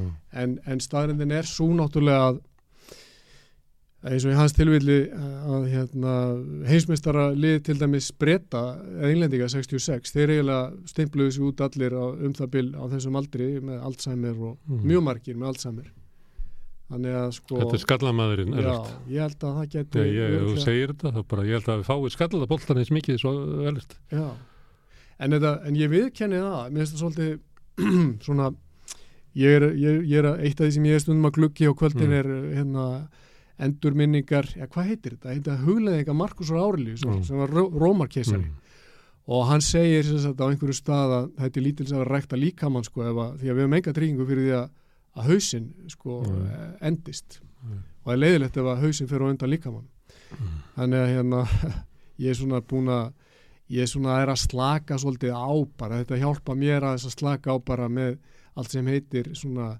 líkamsrækt og svona Þú ert nú vel á þig já, komin. ég er ágætlega vel á mig komin og hefur hugsað mjög vel um mig sko en ég, ég var að segja við svila minna því við vorum í svona helgaferðum helgina að, að sko veist, þetta skiptir ekkit, þetta skiptir Mm. einhver máli hvort Mm. að ég hleyp marathón eða ekki, ég er jafn döður sko áttræður Á, fyrir því sko og kannski betra að hafa bumbu heldur en að missa uh, Já. hugan. já, Já, en svo hefur maður ekkit val maður verður bara að reyna já. átt sig á því sko Herðu, en ef við verðum að búa til söguna um Arnar Þór já, uh, með tvo pappa sem að báðir tengja sjálfstæðarflóknum já, annars vegar svona uh, maður tengdur svona uh, flokkstarfinu býst ég við Já, og já, já. já, með, með algjör traust aldrei að svíkja flokkin og eitthvað svo leiðis og svo ertu með hinn pappan sem er svona uppreistnar maður innan flokksins og fer í eitthvað fætikinn af flokksins og, og tapar. Já, hann var náttúrulega erðaprins á sínum tíma. Já. og hvað varst þú mannstu eftir því þegar hann uh, vek sæti á listanum í Reykjavík? Eh, þá mata hann það svo að það gengi ekki að sjálfstæðsflokkurinn byði frem í Reykjavík á þess að þar væri fulltrúar verkefliðsreiningarinnar já, þannig hann vek sæti svo að Pétur Sigursson kæmist inn á Þing já, sem var í sjómanafélaginu já. Þetta, það er svo langt síðan hann var í getur séð þetta fyrir þeir í dag að sjálfstæðarlokkur, eitthvað við sjálfstæðarlokkur bregða svona við, það er því að vera fulltrúar verkefliðsreiningarnar ég, ég vona það sko, ég vona það ég, ég er sko, ég er hérna eins og ég lísti því áðan sko, Já. ég raun og veru sprottin úr hérna eh, sko jarðvegi svona verka mannast Já. og svona vinnandi fólks sko, Já. ég menna í Vestmannum og, og hérna ég, ég, ég tengist þessari hugsun, Mm. hugsun mjög, mjög stert sko, þannig að ég vona að einhver myndi vilja gera þetta en, en ég að ég man ekki eftir þessu en ég hef stundum hugsað þetta og mér finnst þetta að bera vottum svona einhvern svona skemmtilegt metnaðaleysi mm. í raun og veru ég veit að hann var auðvitað mjög metnaða fullur en svona eitthvert svona kannski eh, kæ, stu, sko, kæruleysi eða, eða Já. hugmyndum að maður geti svona storkað örlugunni jafnvel og Mm. hann var náttúrulega ekki að fábreytulegu uppruna hann var nei, nei, erðaprins í veðlauður í fjölskyldu já, mikilsmetinni svona- þannig að svoleiðis menn geta kasta frá sér tækifærum vegna þess að þeir vita að þau koma aftur eða halda það já, einmitt, já, já já, hann er svona gull drengur sko já, já. en, um, en þetta er svona ég, ég verið að En er munur, um að sem ég ætla náttúrulega að spyrja þig, er Já. munur á sjálfstæðarflokki Jóns Já. og Ellerts? Eða hvernig þeir upplifa flokkin? Já, það er frábær spurning sko, það er reyndar alveg frábær spurning sko, ég hérna ég held að sko Jón hefur aldrei talað illa um sjálfstæðarflokkin og uh, alltaf bóðin og búin og ef að ég er eitthvað að gaggrina þá bara þú veist, á bara að slaka það á sko, þetta þú verður bara að hugsa þetta tvisa það að þess að vildi þannig til núna þegar ég skrifaði þessa fæslu þessa kvössu fæslu. Ég vil ekki meina að þetta hafi verið tveggjafóta tækling sko. þetta var, þetta var hörð, hörð tækling, ég viðkenni það. Þannig að þú glættir ekki Jón með þessu? Ég, sko hann var í útlöndum. Já. þannig að hann hefði ekki kost á því, ég talaði ekki við hann. Og, en hann hefði öruglega sko hérna, reynt að hafa hérna, heimil á mér. Eh, að hann er svona einarður flokksmaður. En Ellert er hérna, hann fór í fílu við hennan flokk og, og svona og e, honum hefði verið alveg sama þótt að ég sagt eh, segði minn hug og hann hefði kvart mig til að segja minn hug alveg svona alveg í hreinskilni sko og veri ekkert að draga neitt undan með það Mm. þannig að sko en ég, ég, ég var að en ég hef, ég hef hugsað þetta vegna þess að þeir, ef að má taka samlíkingum skip að þeir vissulega báðir unnu fyrir hennar flokk í mörg Mm. ár og ára tugi og þetta var sko svona móður skip íslenskra stjórnmála má segja Mm. og hafði svona skýra stefnu, hvað svo sem sé að má segja alla þá sem hafa verið í fórustu eða tjási fyrir hönd flokksi svona í gegnum áruna rás og fólkið sem við erum jú öll, bara eins breysk og misefnað eins og við erum að, að sko þetta móðurskip er á einhverju leið sko. Þannig að mér eh, kannski rennur blóðið til skildunar einhverju leiti ef mér finnst að, að það sé sko verið að neka til og einhver er alltaf að fara að taka um stýr, stýrið eða egna sér skip skilur, hvað er að Mm. meina að á þetta engin Mm. þetta á að vera tilheyra þeim sem að vilja já, vinna við að sópa dekkið og vinna við að elda matinn og þrýfa og eiga síðan hérna þessa uh, fundi sko og láta rödd sína heyrast. Þetta, þetta á ekki að vera svona einangra rými þarna upp í brunni þar sem enginn talar við áhafna meðlimina. Þetta Þannig alltaf- eru flokkarnir svolítið mikið í dag. Það, sko. Sumuleiti, þú nefndir það áðan, um sambandi við ríkistyrki og fleira. Það gerir það náttúrulega verkum að, að fórust af flokksins er ekki háð græsrútinni, ekki Já. um peninga en eitt. Nei, Þú bara geta reykið það sjálfur og bara tekka frá ríkinu. já, og, og sko ski, Og svo samlíkingin selja þér lóðina í kringum uh, valhöll við vantar meiri pening.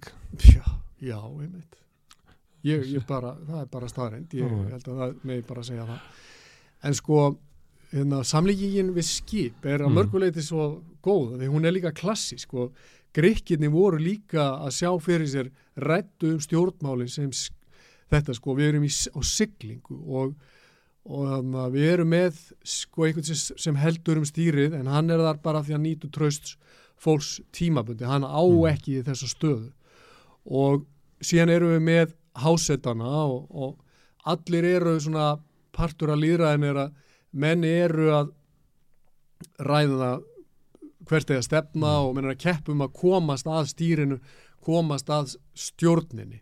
Þetta Mm. er hinn daglegi veruleiki stjórnmálana.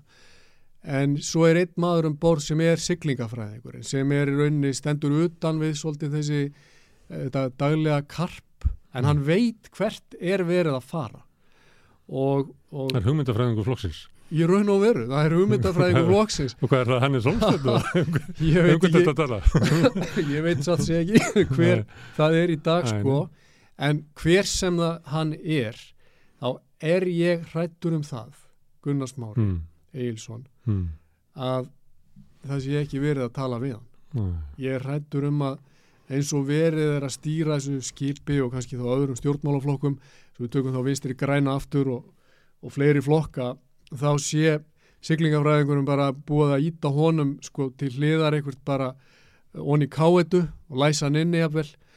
Og röddin sko sem kemur úr brunni er ofan frá og niður. Mm, og það er ekkert lárétt samtal eða ekki, þú veist, það er vissulega eitthvað lárétt samtal en það er bara ekkert hlustað. Mm, og ef að það er þannig núna að ég sagði eitthvað um helgina sem að verður til þess að ég verði kannski ekki rekin úr flokknum eins og ég mm, held að engin myndi þóra rek, reyna að reka mig úr mm. Sjálfstæðisflokknum. Þú lagði nú til að, að fórustar myndi fara úr flokknum.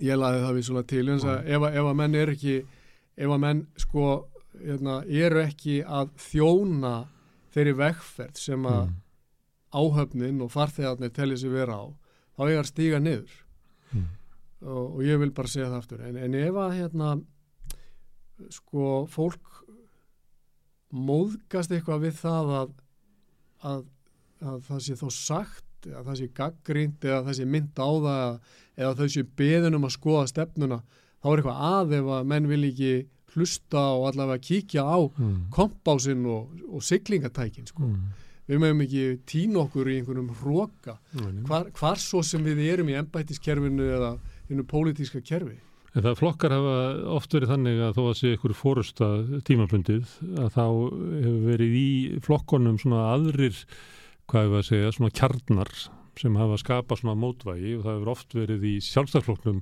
já, hann hefur verið svona hálf klófin eiginlega, Gunnar og Geir og, og það allt saman og já, svona, eh, menn verið með svona stöðu í flokknum, Albert á síðan tíma og, og hérna, Sverri Hermansson og já, það er svona uh, í öðrum blöðum, hérna öðrum flokkum að þá voru oft uh, er þjóðvílands hafði stöðu inn í alltíðubandalaginu og þannig að það voru svona fleiri miðjur, það var, ekki, bara, það var ekki allt píramítar sko, en mann virðist að vera svona undarfærið að þessi flokkar séu meira og minna bara orðnir að píramítur já.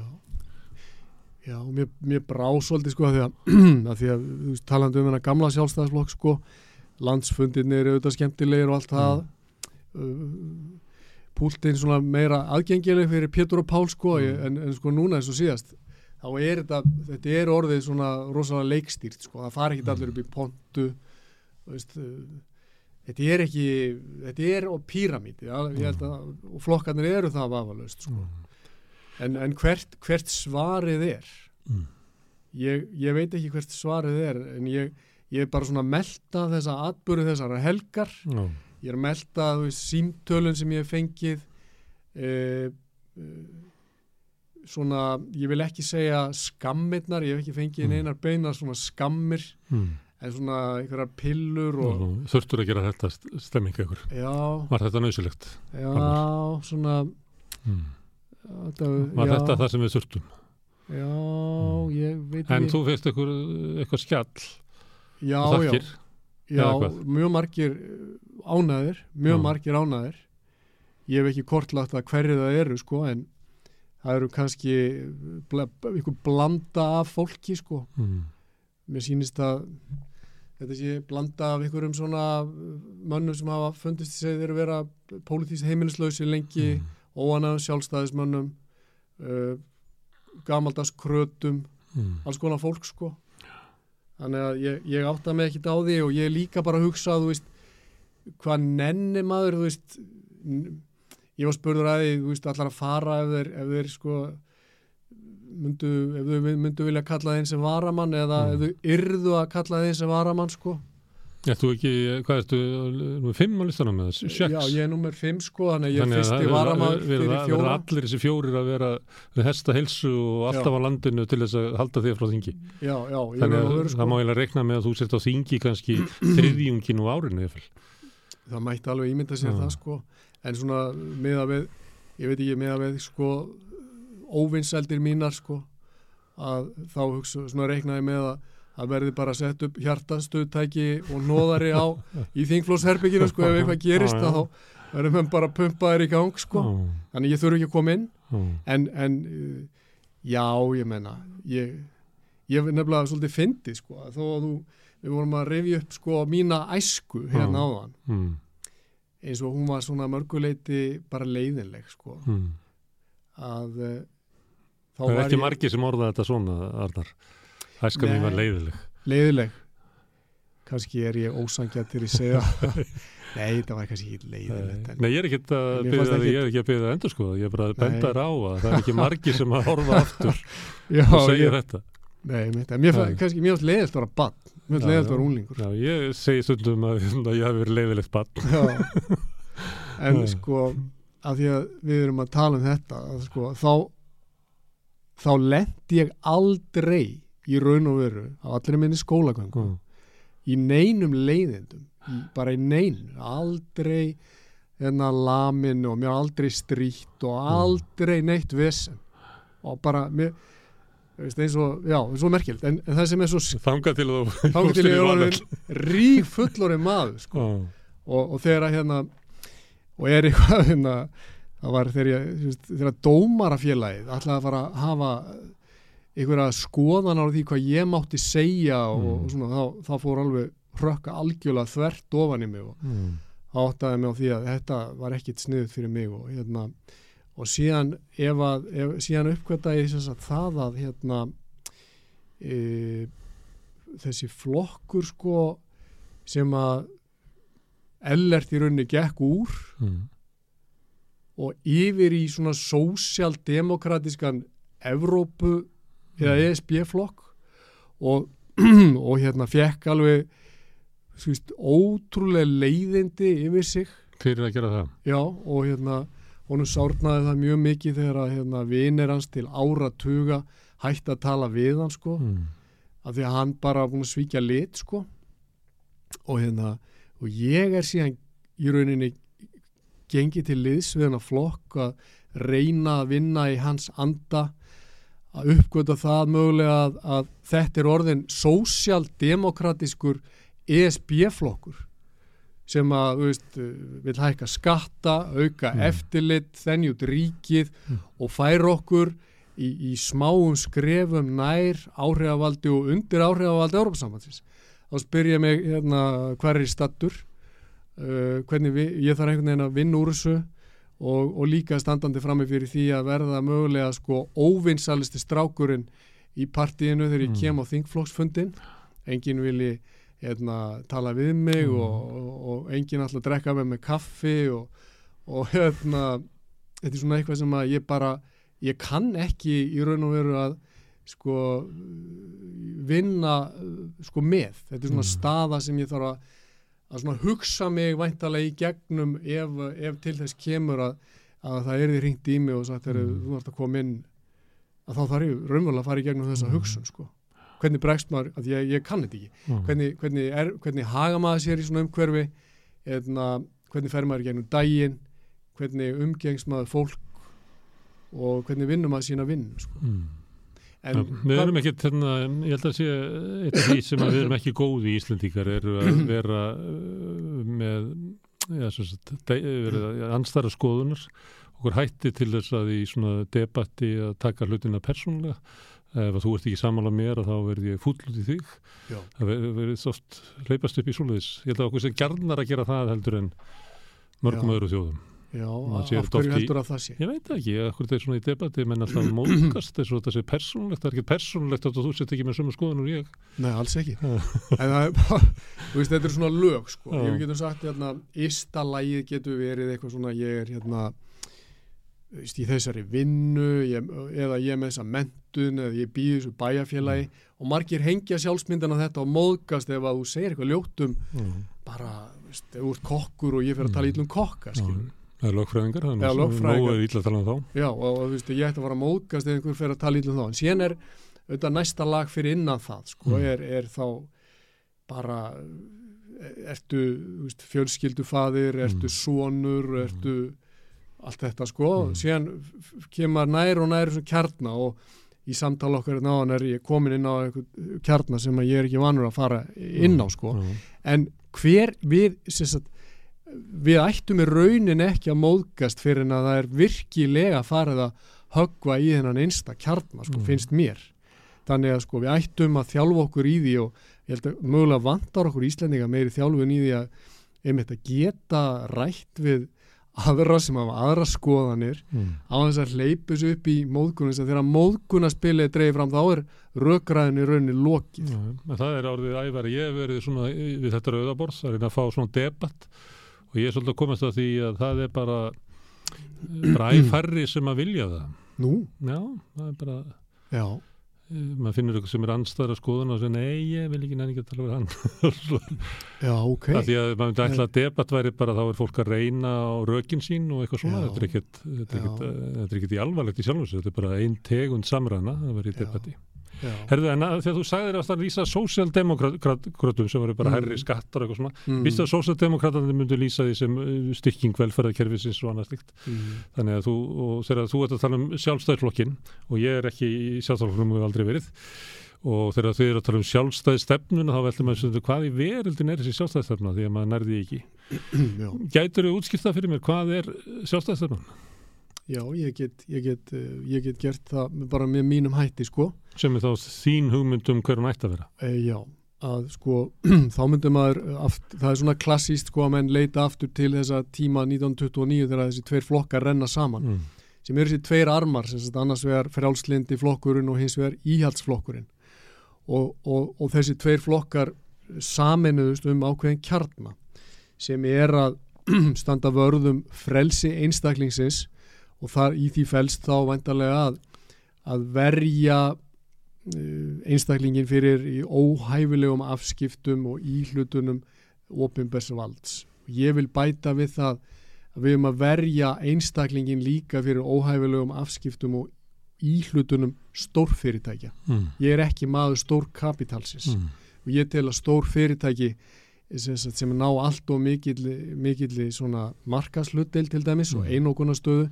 Getur verið alveg eins hættuleg eh, einstaklingsfrelsinu með alls konar eftirlits og Mm. rittskoðuna tilburðum eins og ríkisvaldið. Mm. Þannig að viðfásefnið Þáttu þetta sammála ellert, þar sem að þar voru að leggja mikla áherslu á neytenda vend og já, annars líkt svo kynsluð. já, einmitt. Þannig að sko uh, uh, það, það er þetta sko dýrmæti einstaklingsins virða þennan gufu að kjarna innra með hverjum og einum manni Mm. og þá er ég að tala með hennar kjarna sem við vorum að snerta á hérna áðan sko. Mm. ekki, þú veist, hver þú ert eða hvar þú byrðið eða eitthvað svona bara hver og einn maður er, er sko gufugur uh, og verðmætur og við höfum að virðan og við höfum að verja frelsjans til að lifa eins og hann vill lifa mm. í lengstu lög mm.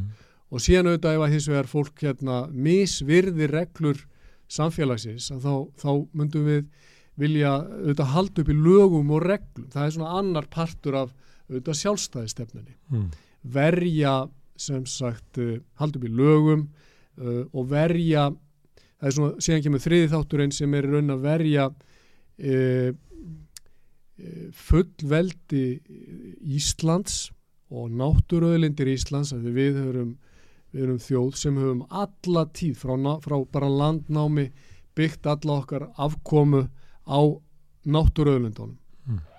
og hérna landsins gæði að við og viljum sjávar, við þurfum á þeim að halda til þess að geta Sammála. byggt upp almennið samfélag. Algjörlega. Dugar ekki náttúrugæðin hérna á- Sammála, á, á algjörlega. og, og núna sko þessi hugarorka og, og svona sköpunarkraftur mannsins. Að verja þetta og, og hérna og þannig að sko við sem einstaklingar og þetta er kjarnin, við sem einstaklingar og við sem þjóð í saminningu ráðum okkar eigin örlögum og verðum ekki eins og leiksoppar eða eins og einhverja tuskubrúður í vindi sem að bara fjúkum þáka sem að okkur er feikt sko Mm. við höfum eitthvað um örlóð okkar Mm. segja, við höfum rödd og við eigum hérna e, samtal. En og það er mikilvæg, og þess vegna er mikilvæg þáttur í þessu er þarna, málfrelsið verja frelsi manna til orðs og aðtafna og þess vegna hef ég líka látið mjög til mín taka á vettvangi sem sagt málfrelsins í mm. Setni tíð. Já. Uh, frelsi einstaklisins uh, hérna uh, ég býst við að þú upplifir að það sé þrengt að því Já, af ríkisvaldinu. En það er náttúrulega ríkisvald sem að sko sjálfstæðarflokkurinn er eiginlega höfundurinn af rík, rí, íslenska ríkinu. Þannig að flokkurinn hefur ekki já það er, það er ekki eins og sé einhverjir aðrir en sjálfstæðarflokkurinn að rífa frelsið af, af Íslandingum Nei, það er bara er- sjálfstæðarflokkurinn ég vil ekki undan þykja sjálfstæðarflokkin Mm. flokkin, því, því sem hér hefur gerst sko. og við verið að hugsa þetta líka bara þegar því, því miður að að þessi útþensla ríkisins á Íslandi er ekki bundin við Ísland ef við horfum bara á þessi vestrænu ríki að sko bara það er ekkit margir áratugur síðan þú gastur umverulega bara silt til Bretlands og stíð á land og bara engin vegabrið, ekkit vegabrið eftirlit og mm. þú veist, ekki lögreglu og, eftir, og landamæri eftirlit andandón í hálsmáluð á þér og hvað viltu, ert þú svona no, no borders maður? Nei, ég veit ekki, ég veit ekki sko. en, en ég er að segja sko, allt þetta ríkisbákn hefur svo þanist út sko, svo svakal á síðustu áratugum að við höfum í raun og veru þetta er bara eins og í sögunum Frankenstein líku við sko, ég meina Mm. þú, þú ferða stað með einhverjar hugssjónir og án og veist af er bara skrimslið sko fara að reyna að stjórna þér. Þannig að þetta er orðin einhver hvað erum við að uppvakning tala um? sko. Þú- þú- við erum með helbriðiskerfi, þú vilt ekki henda því? Nei, ég við veit erum með ekki. skólakerfi. Sko, og svo myndi ég halda áfram og það verður kannski komið með 80% af ríkisvaldinu.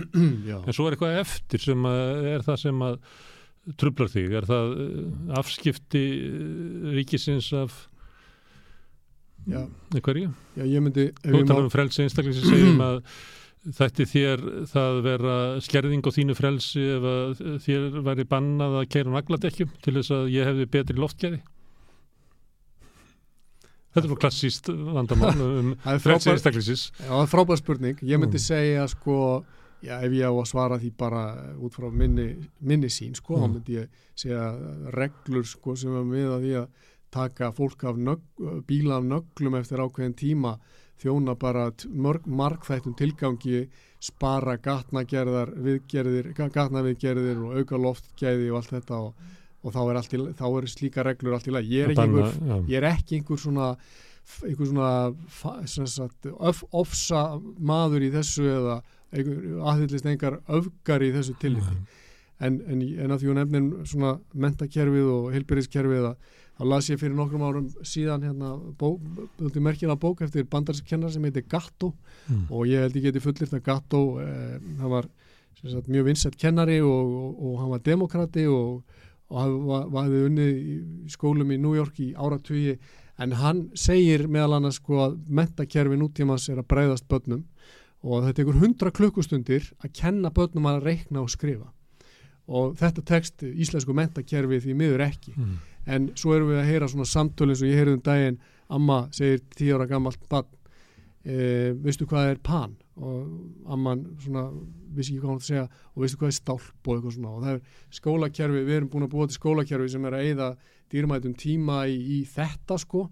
En getur ekki í rauninni kent til dæmis drengjum að, að lesa, þeir útskrifast ég Mm. menna þetta er svíferilega há tala er þetta ekki þriðjungu drengja sem að já. er ekki, getur En ekki, að þú ert þetta að er vís- vís- vísa til námskeiða sem að hérna, eru kynvitund býst ég við og setja vísa, Já. þá var sko hörnunin í lestrakunnáttu komið fram áður. Er- Sannarlega, já, en þetta bara vekum að til umhugsunar um hvað hefur eigða verja tímanum í þannig í skólakerfinu. Og ég held að þetta ofinbæra skólakerfi sé að mörguleiti bara komið í einhvers konar þrótt þegar að við horfum á tölurnar sko og, og ólæsi og písa kannanirnar og það þarf að stokka þetta upp. Og ég sagt hver á að ráða hvort að við séum sagt, læs á, á, á uh, stafrúfið eða getur maður ekki kallað að vera kynlæs? Að, að þekkja nólíku kyn? Er það ekki jaft mikilvægt til þess að taka þátt í eh, líðræði samfélagi og skinja annað fólk? Það er mögulega vissulega einhver þáttur af þessu en bara er ekki bara það besta sem að, og það, það sem að hefur vald eld, eld okkur mest í lífinu sennilega er að ég tala allavega fyrir mig mm. er ég að læra að lesa sko. ég, Mm. ég læri að afla mér upplýsinga og get verið þáttakandi í leiðræðisleiri umræðu og hvaða er að mörguleit þá vald hamlandi fyrir ungt fólk að hafa ekki náð nægilega góðum tökum á Mm. lestri hafa ekki nægilega svona burði fyrir vikið fyr, til þess að geta ymitt hérna, fylst með mynda sér skoðanir á sjálfstæðan hátt og svona að þetta er svona ég fór bara hverju, af hverju hefur skólakerfinu hverju hefur skólakerfinu brugðist að þessu liti? Er það vegna þess að fólk eru ekki bara vittlisum hlutu? Þú að halda ég- því fram Já, ég held að, að við þurfum í raunin að íta burtu öllu þessu svona sem að kannski við getum ekki kalla sem ég geti kallað sko aukaadrið og einbytta okkur að kjarnaadriðum og vald ebla þessa krakka okkar sko í, í þessu sko þau náðu tökum á því sem við getum kallað grundvallar færni bara í lífinu að reikna uh, uh, lesa geta tjáð sig uh, geta sagt formúlera hugsun í orð tekið þátt í rökgræðum eins og við vorum að tala um áðan mm. ég held að partur að því að fólk vegra sig við að koma í rökgræði er að það er bara ekki vandi skólakerfið okkar eh, það er staðrænt, bara ég hef verið í skólum í þremur löndum fyrir utan Ísland það sem er mikið lagt upp úr Já. rökriðum já, og Já, bara já. svona samtali og, og bara hlustun mm. við kunnum þetta ekki, því Mm. miður en, en, og, og ég held líka, það er líka annað sem við þurfum að Mm. horfast auðvitað við varðið og heilbyrðiskerfi okkar, það er bara komið að fótum fram og, og er, það er tífandi tímasprengja sem að út af af sikursíki alls konar stóðkerfisvandamálum offittu sem er bara fyrirsjánlegt að munu slíga þetta kerfi okkar á næstu árum og við erum að finna einhver svör sem að gera úr kleift að, að verja þá sem að sko höllust um fæti standa mm. og, og þó að ég sé hérna þá mennur þá ekki þeim sem eru með lífstílssjúkdóma og hafa kallað yfir sig jú, sjálfur. jú, vissulega en, en ég held að við megum samt sko minna fólk á það að við berum ábyrð okkar einn hilsu og, og við getum ekki svona við þurfum að hugsa alveg tvo leiki fram í En, tíma en hvað gerir við þann sem kemur til lagninsins og hefur uh, er offeitur og, og fíkil og Já. allt sem að fólk vildi segja sig honum sjálfum að kenna. Hvað ætlar að gera við hann? Segja, Já, ég farðu myndi, undir brúna og Nei. við komum með teppi og kakóhandaður en þú farið eitthvað þjónustu? nei, ég myndi ég held að bara kannski gott dæmi gott svar við þessu eða tilraun til að svara þessu veri að minna á það að við fórum hér í einhvers konar vitundar og akningu sem þjóð það verður reykingum og Mhm. við náðum frábærum árangri það var gert bara með því að vekja fólk til umhugsunar um svona skaðsemi reykinga og við náðum að koma þessu niður í það að ég, við áttum bara eitthvað Norðurlanda með þetta, Evrópu með þetta bara íslenskir úlingar voru náðast hættir reykja sko. Mm.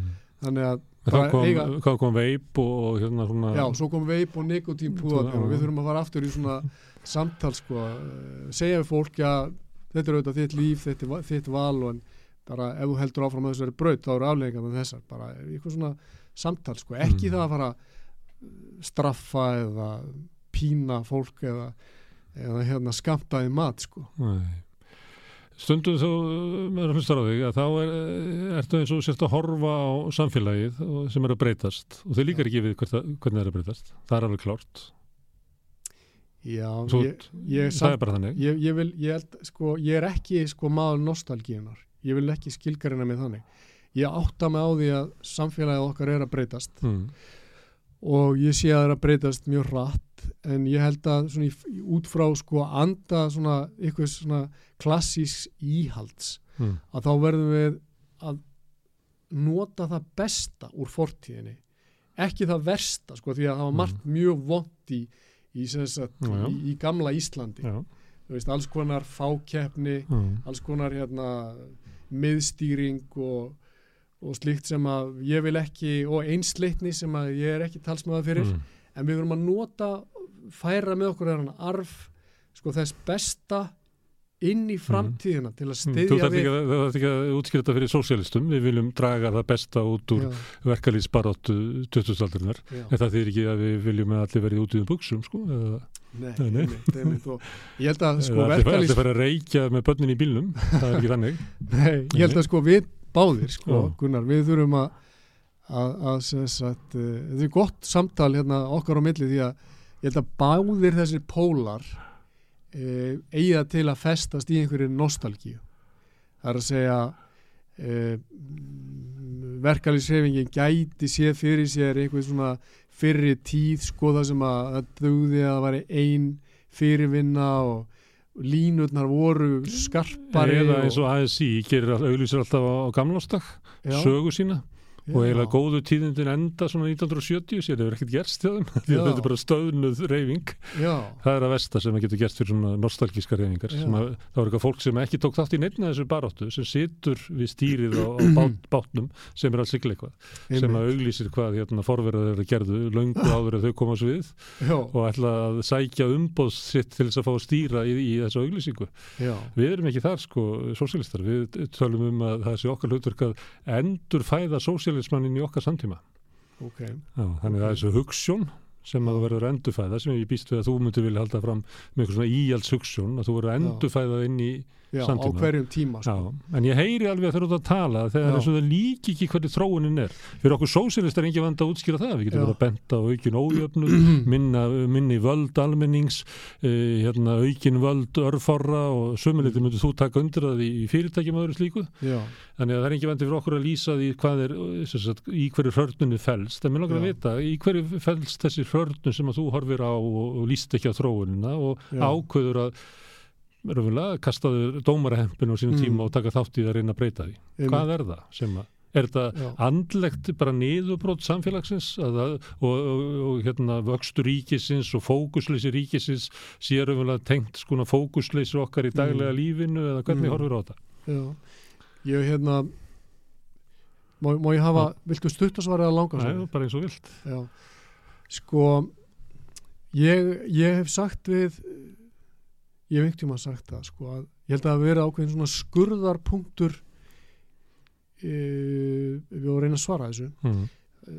þá er ég orðin fullorinn ég er að vinna í háskólumkörfun sem ég held að vera svona frjálslind og, og svona allar hugmyndi mættu einhvern veginn heyrast og svona og væri svona að degla svona einhvern Mm. veginn og, og skemmtileg ímyndaði ég mér svona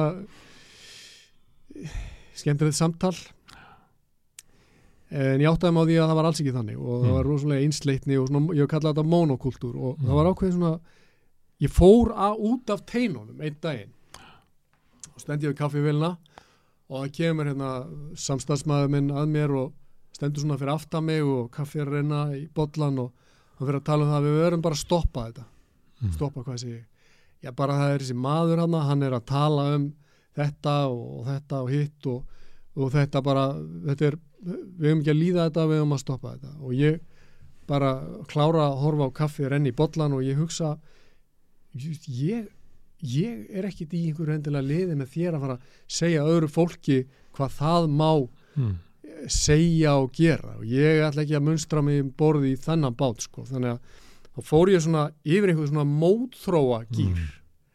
og segi bara ég ætla ekki að stýra öðru fólki og, og það er það sem að í rauninni íti mér út úr út úr þessu þægilega embætt sem ég var í yfir í það að eh, vera þáttakandi í svona umræðu er að það sem er að gerast og ég vona að flesti séu að átta sig á því er að það eru, það eru undiralda í samfélaginu sem að er reyna að stýra þetta er svona valdbóðs undiralda, þetta er svona stjórn þetta er svona hver- hvert er fína orðið yfir það á íslensku þetta er svona valdbóðs stjórnmál sem að vilja sko hafa vit fyrir okkur mm.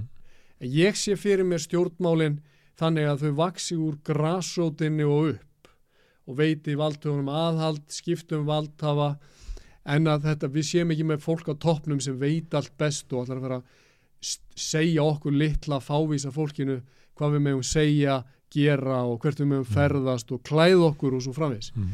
Þannig að ég, ég skinja og ég veit ekki hvort að þú ert, getur tekið undir þetta en ég skinja í fæðingu svona ógn einhvers konar fasisma Mm. sem að ég óttast og í gær var hérna, eða í dag var hérna merkileg kona Laura Dodsworth, hún skrifaði bók og gaf út árunni 21 sem heitir State of Fear og Laura á margar alveg frábæra setningar í þessar bók. Ein setningin er, ég áttaði mig á því þegar koronaveran brast á. Og við fórum að heyra tilkynninga frá stjórnvöldum um hvern, hvernig við ættum að hegða okkur við ættum að, hvar við ættum að halda okkur innan veggja og, og jafnvel, við ættum að klæðast svona svona. Þá óttaðum á því segir Lára og ég tekið undir þetta að ég óttast fasisma meira heldur en ég óttast dauðan Mm. ég óttast svona valdbóð stjórnmál meira heldur en ég óttast sjúkdóma Mm. og mér finnst þetta óslega sterk setning og hún talar uh, til mín og ég held að þetta svona sumeri að miklu leitu upp sko, ég vil leggja mitt að mörgum til þess að standi vegi fyrir því að, að þjóðfélagið okkar verði svona einhverju svona fámenni stjórn að bráð Mm.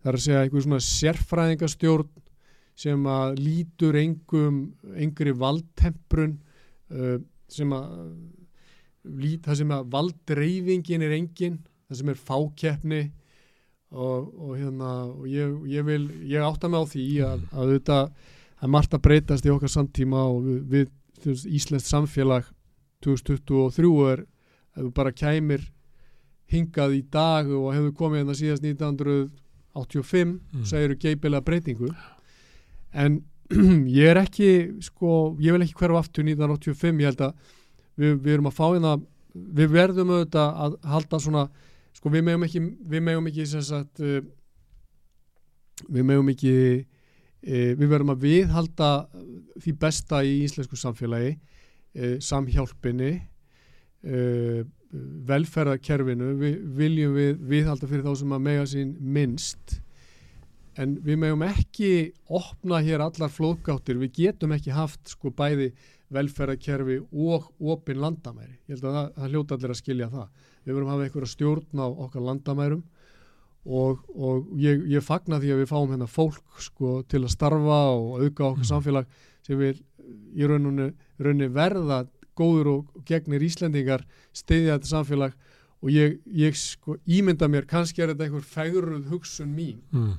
að margt af þessu fólki er að flýja hingað frá uh, ríkjum þar sem ríði, ríkir fátækt og, og svona harðstjórn að þau hljóti að vilja vera stuðningsmenn okkar í því að byggja hér upp sko, gott samfélag og verja frelsið sem er Mm. svo dýrmætt En það sem þú ert að lýsa um svona uh, uppbyggingu fasisma innan líðræðis Já. samfélaga, já, þetta er bara umræða sem á sér stað víða já, og verið bent á minni tolerans fyrir bara andofi og fleira eh, og, og þá er ég ekkit endur að tala um svona menningarstríðið sem að er það sem að fólk fyrir í svona sikkura fylkinganda sem að stjórnmálamenn oft nýta sér mm, til þess að koma einhverju sinni stefnu þá er þetta svo sviðsett stjórnmál um svona einhverju menninga, menningarstríð.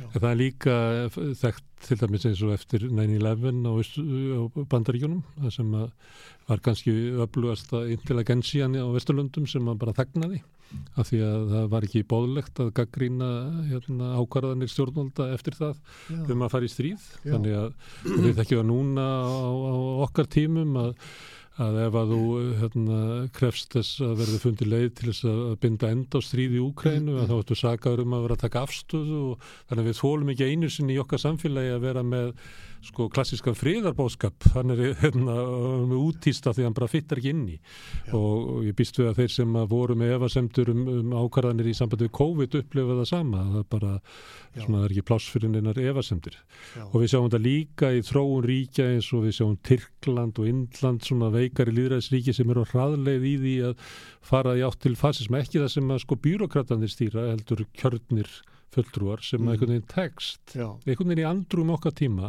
mhm, að auka sífjöld völd sín. Við upplifum það svolítið hérna með Íslands stjórnvöld að, að stjórnsíslan sé líti ekki á sé að þjóna almenningi með upplýsingar.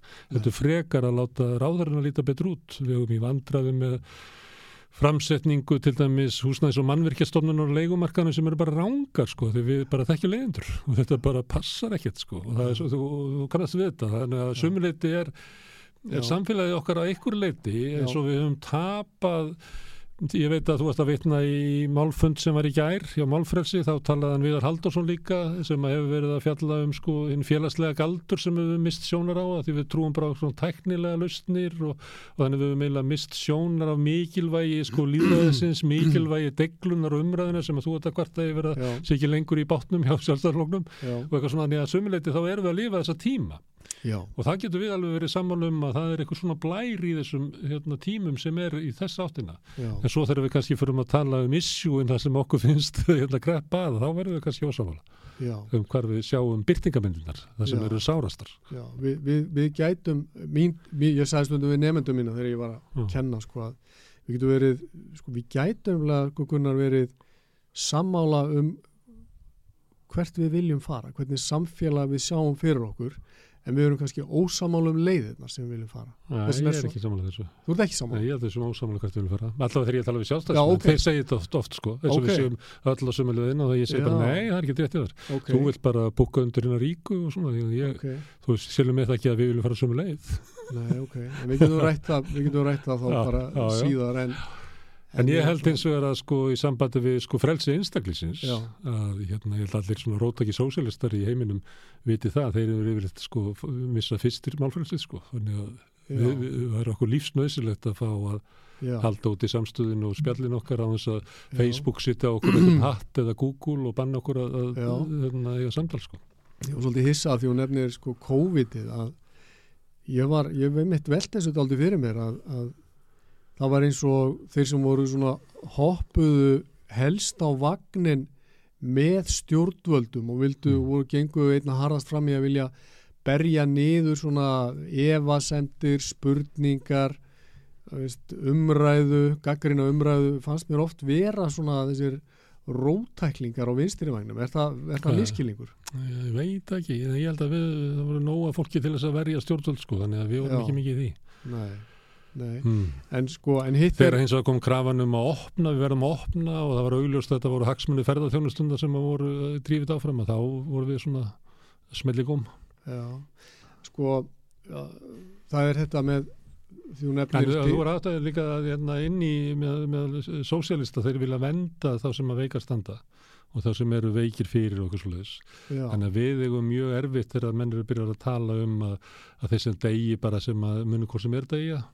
Þú kannast við að svo, umræða var líka í gangi á þessu tíma. við verum að venda eitthvað sem að líf sem að vera ekki þessu virði sko. Já, er við, við getum ekki tekið þátt í því sko. Nei og ekki ég heldur sko, var auðvitað, þetta var stór hugmynd sko í þriðaríkinu sko, það er að segja að líf, hérna, hvernig var þetta eitthvað er svona ekki frasi virði. sem er eins og ekki þú þess virði getur að tekið lifa ákvörðun um líf einhvers annars Já, að það er ekki þessi virði. Að þeir eru undirlíkjandi sjúkdóma einmitt, þitt líf er bara ekki þessi virði að við vendu það, já, einmitt það er, þess, þess, þú erðu þessu umræðu á COVID-tímun Já, já, já, ég held að í, vestu útgáfu hefur þetta örgulega heyrst en, en þetta er náttúrulega ljót hugsun sko, ég meina Mm. við, við ég og þú erum ekki að fara að taka ákvörðun um það hvort Nei. að Pétur og Páll eigi að fá að lifa eða deyja sko og eða þú veist hvort að gamlir eða þroskaheftir Já, eða já. hvað, hvernig sem það er eigi að njóta minni réttinda en aðrir Mm. en þriðaríkið sko að því hún nefnir Tyrkland og svona ríki sem að standa höllum fæti veik líðræðis ekki, ég held að Mm. reyndar mjög mörg af þeim ríkjum sem við töldum að vera tröstur í líðræðisiki er að færast yfir í að vera bara afhjúpast sem veik líðræðisiki Já. og það ger í mínum huga afhjúpaðist það vel í þessu kófi þar sem að sko uh, þessa, í þriðaríkinu var, var, var sko stjórnaskráin og lög, lögbundin vernd almennings í rauninni afnumin í, í krafti undantekningar ástands Mm. undantekningin gerur okkur kleift sögður að, að afnema sko, stjórnarskrána. Afnema réttaríkið eins og við höfum verið að starfrækja það. Og, og afnema bara líðræði og koma á einhvers konar alræði En Arnar, að sumuleiti er þetta saga stjórnmála síðustu ára á áratuga. Já, Til dæmis í bandaríkjunum, þau þurfu alltaf að vera í einhverju stríði til þess að auka völd fórstans. algjörlega Og og við, nefnir hérna og við finnum það bara núna að ríkistjórnin er eiginlega háði að skilgreina einhvern neyðar ástand til Já. þess að, að, að bara byggja upp lögmæti sitt. Já. Það er ekki COVID, þá er það bara verðbólgan eða eitthvað sem er alltaf að bjarga okkur frá einhverju. alltaf einhver krísa og eitthvað neyðar ástand sem þarf að bregðast við og réttlæti þó alls konar aðgerðir á hálfu ríkistjórnarina sem að þá bytna meðal Mm. annars á launafólki hart Já, og já. fjölskyldum og, og, og fyrirtækjum í Mm. þessu landi sko. þannig að þar, þetta er eitthvað sem að við þurfum að, að vera með kveikt á perunni með Mm. þegar fólk fyrir að segja að þetta eru fordæmalösi tímar eða þetta er, Mm. er neyðar ástand eða eitthvað svona, að segja bara já en við ætlum samt ekki að, að henda út um gluggan því dýrmætasta sem við eigum sem er bara marréttinavendin okkar Mm. Borgaralegt frelsi uh, Réttu, réttu verkeflið til að fara í verkvall. Það var nú talað um Já. það þegar ebling var í verkvalli, það ætti bara að bannaði með að fara í verkvall. já, já, En það er samt er það þetta grundvöllum borgarlegs samfélags Algjörlega. rétturinn til þess að fara í verkvall. já, og málfrelsið er málfröðið. að hérna, allt þetta bara Mm. allt þetta, ég rauninni allt í einu bara eins og hendi sér veifað þá, þá stöndum maður frammi fyrir því að, að þetta þessi fínu orð líðræði og réttaríki og mannréttindi standa á miklu veikari grunni heldur maður hefði ímynd sér. Og bara svona sem lítið dæmi að, og ég fagna því að þú sért hérna með samstöðuna. Mm. vegna þess að þetta veiti manni svona ákveðan á vonum það að, að, að fjölmiðlar sko veiti hér uh, viðnám og, og útvarpi röddum sem heyrast annars ekki. Þannig að í kófinu urðu fjölmiðlar alveg svakalega meðvirki með stjórnvöldum Mm. Þú heyrist nú í það. Þú er nú... Já, ég veit ekki ég, ég, mér leið á einu ég held að ég hafi í rauninni ég var settur í eitthvað svona fjölmiðla pásu held ég eftir að ég kom fór að tala um hérna ég kom í viðtöl e, fyrst við á bylgjunni með Tómasi, lækna Tómasi Mm. í desember 21 og, og þegar ég upplýsti Tómas um það að bóluefnin sko verðu ekki fyrir smiti og kem ekki veg fyrir að fólk eru veikt Mm. uh, að þá uh, höfðu þeir ekki lengur mikið húma fyrir mér á bylgjunni, ég fór ekki Mm. í heilt ára eftir, það held að vera Mm. rúmlega ár sem ég var ekki bóðið ég er lögfræðingur sko, ég Mm. vissi þetta sem að Tómas vissi ekki og hérna og síðan fór ég á Rás 2 þá var henni búin að skrifa bref út af því að ég var að vara við því að börn eru sprauta með þessum mRNA bóluefnum Mm. Og það þótti mjög ljótt að Mm. og vafa samt að ég væri að leifa mér það sko. En starrendin er samt svo að börn voru í engri hættu af kórnaverni það var vitað þegar ég var að skrifa þetta. Það var líka vitað þarna desember 21, janúar 22 að, að, að, að það voru alls konar aukaverkanir mögulega bundnar við þessi bóluefni og heilbjörnsáður að Þískalands var bara að segja það bara núna fyrir einhverjum fáum dögum að einn af hverjum tíu þúsund sem fær þessar sprautur verður fyrir e, alvarlegum aukaverkunum og hann er að, er að byggast afsökunar á því að, að það hafi verið gengið svona hart fram en hér voru fjölmiðlarnir í mikilli sagt, meðvirkni og Mhm. bara spilu bara rassin og buksonu vil ég segja en ég ætla að nefna eitt í Mhm. þetta Og það gerist að fjölmiðlarnir uh, raunverulega verja uh, stefnu stjórnvalda og reyna að búa til sáttum hana í samfélaginu. Það er svona, það er, það er eiginlega uh, svona eðli fjölmiðla því miður. Það er, er að gera þetta. að þeir verða bara svona einhvers konar lúður Það er, stjórnvald já, þú bara getur Já. uh, hlustaði bara vikuna með gíslamertinni. Að ég, ég, selja- aldrei, ég horf aldrei það Verið að selja það sátt um, um uh, samfélagi sem við býrðum. einmitt, en þú nefnir nýju hérna, 9-11 sko ný, En, en svona- upp, að þú tala um COVID. Já, ég ætla, ég ætla, ég ætla að klára það bara. Upplifur það að þú hefur verið sviftur að þú hefur verið hérna, eh, ekki mátt tala, að þú hefur verið sviftur málfræðsíðinu við að vera með eh, að þú ert ekki að fara fram á það að allir gera eins og þú ert að segja Já, en þú ert að fara fram á það með að halda fram eins og skoðunum já. þannig út í þínu hotni, já. en þú férst ekki. Já, sko, ég, ég hefði gaman að ég að ræða einhvern tíma við einhvern starfsmann á ríkisútvarpinu eða, eða hérna, bylgjunni bara var einhver listi í gangi sko, Mm. sem mátti tala við og mátti ekki tala við af því að ég, ég, ég tók eftir því þarna að sagt, ég var, það var svona eins og ég væri settur svona í einhvers konar á gráan lista sko eftir þetta, þessi útvarsvitul sem ég var að lýsa Ég held að það sé ekki listi sko. Nei, Það er þarna, hefur að tala við hann. Arnar Þór? Nei, æ, hann er eitthvað svo umdildur eitthvað. Ég held að það sé gert veit sko. ekki. Ég veit það, ég Jón alltaf að Kristjánsson fiskifræðingur sem Já. er með skemmtilegustu viðmælendur sem hægt er að fá í viðtal. Já, svo frábælega skemmtilegu maður já, sem hefur gaggrínt sko stefnu Hafrásonstofnunar sem að held í fram að því að þú ert að vitni COVID það sem að var verið að halda því fram að Já. bóluefni myndi komið veg fyrir að við myndum síkjast já, svo gerði það ekki þá var komið að við myndum verða minna veik og þá komið ljós að það var ekki að það var samt að það halda áfram sko, stefnun er ekki breytt þó að það sé komið fram að hún stendst ekki. Einmitt, fiskveðistjórnunin er þannig að það var talað um að við ætlum að byggja fiskistofnun upp í sko 500.000 tonn á til dæru skömmun tíma og haldónu þar. Það var aldrei gert sko, við erum bara að hanga í kringu 200.000 tonnin af, þorski. Hann hefur gaggrind þetta allan tíman og hann segir sko að hann hafi komið síðast í viðtal við ríkisúttarpið sko einhvern tímann um aldamótin. Já, það er bara svo leiðis það er eitthvað segir, hefur ekki En að það- tala við Jón Kristjánsson? Nei, ég veit nokkuð. Ok, þannig að, það er var, kannski engin listi en bara Nei. nei, ekki, nei, nákvæmlega. Ég segi stundum að það er þetta stjórn Íslandi með smelli góm sko. Já, já við erum að tala við hann Arnari neitt já, einmitt, góð punktur, góð punktur en líka, ég vil nefna, af því að þú nefnir hérna tvíböruturnan á það, sko, Já. að þá náttúrulega var svona augljós dæmi um það að fjölmölar bara, þú veist, bara bara það var carpet bombing sko, Já. á vondri íslensku það var Já. bara engin andmæli Já. ein, ein útgáfa allt bara eftir Mm. línunni hinnu opnböru línu þannig að það, þá, þú veist, ég sammálaðir með þetta Mm. þetta er svona ákveðin eh, háski sem að við stöndum Magnús. Bernason sem er sérfræðingur í miðausturlundum hann sagði þetta ágætlega á 20 ára amalinu já, hann sagði að fyrst töluðu blaðamenn við hérna okkur sem að vorum sérfræðingar á svæðinu já, en að því að engin okkar um að stutti þetta stríð að þá var bara hægt að tala við okkur já, og þá var bara að tala við þá sem hefði ekkert vita á þessu svæði sko. já, já, Eða frá hans sjónaróli og ég held að sé bara rétt í honum að endanum er það bara þeir sem að gaspra bara línuna að það er að tala við þá en að því út að tala um sko fjölmiðlana mm. og, og, og sem að ég vil segja á, ég veit ég úr þú samanlega meina hafi í rauninni brúðist og geti lært margt af því sem að gerst hefur. Ég held að, að Dansk Tabla sem er nýbúið að bara beðast afsökunar á framgöngu sinni í, í, í þessu, þessu Mm. tíðanbili segir við gengum á langt. Eitt rosalega alvarlegt, ég vil segja það að ég vona sem flestir heyri þetta Mm. og einn mestu vonbreyðin í öllu þessu, á þessu tímabili er svo staðreind að lögfræðingar á Íslandi sem að telja sennilega ég myndi giska á að þeir hljótu vera 1500 í það minnsta Mm.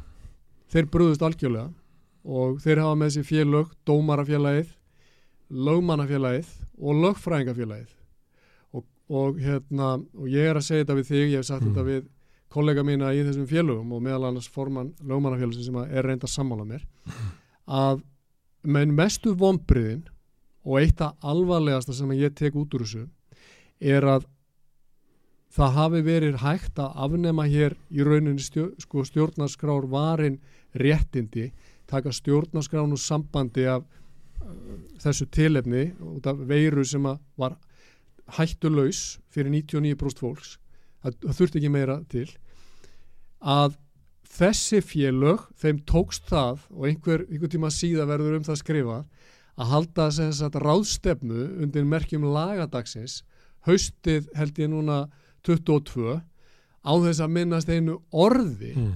á það að réttaríkinu var kift úr sambandi í allan hennar tíma á Íslandi og það er vakandi umræðum þetta í flestum ríkjum í, í kringum okkur, meðal annars í Noregi en hér bara var engin umræða og menn bara láta þess að þetta hafi ekki gerst er svona, kannski er þetta bara eitthvað feimnismál eða eitthvað en, eh, en eh, ég ætla ekki að rósa sjálfum mér en það voru, fyrir utan mig voru bara eru þeir kannski teljandi fingrum annara handar sem að voru að hafa orð á þessu þá Mm. hefur fjölmeðlandi kannski mátt svona veit okkur meiri aðgang að, að svona hljóðnemannum Mm.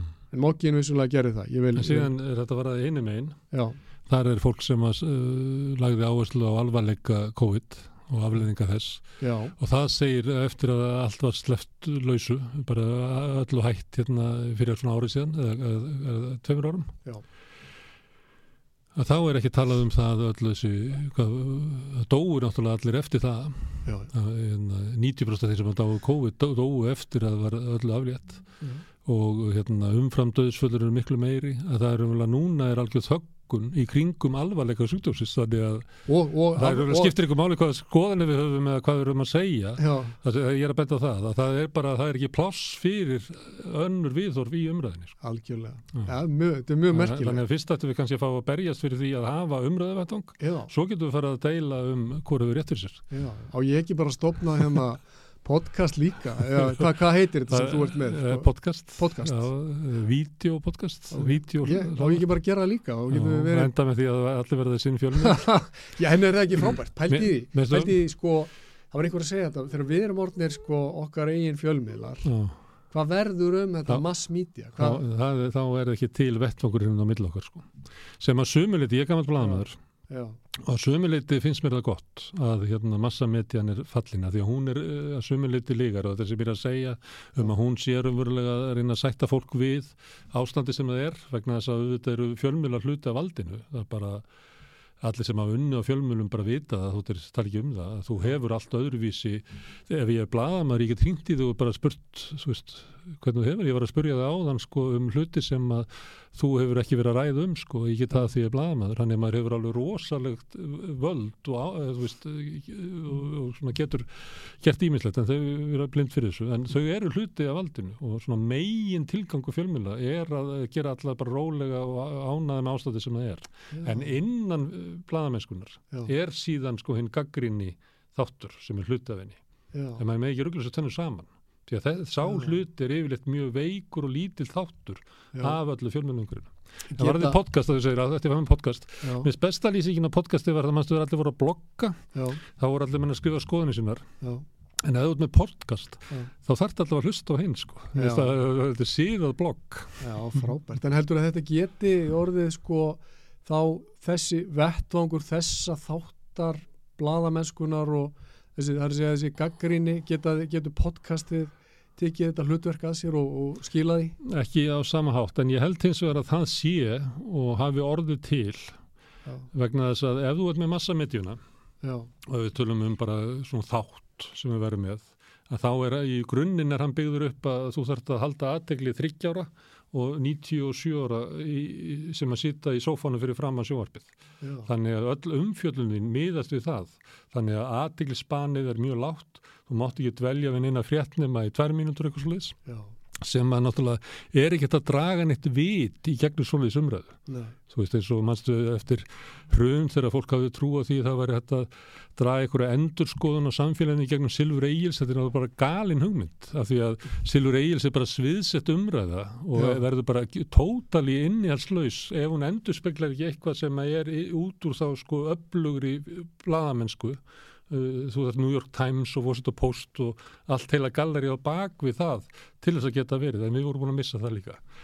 Kosturum við hérna podcastið það að við erum ekki með 30 til 97 ára.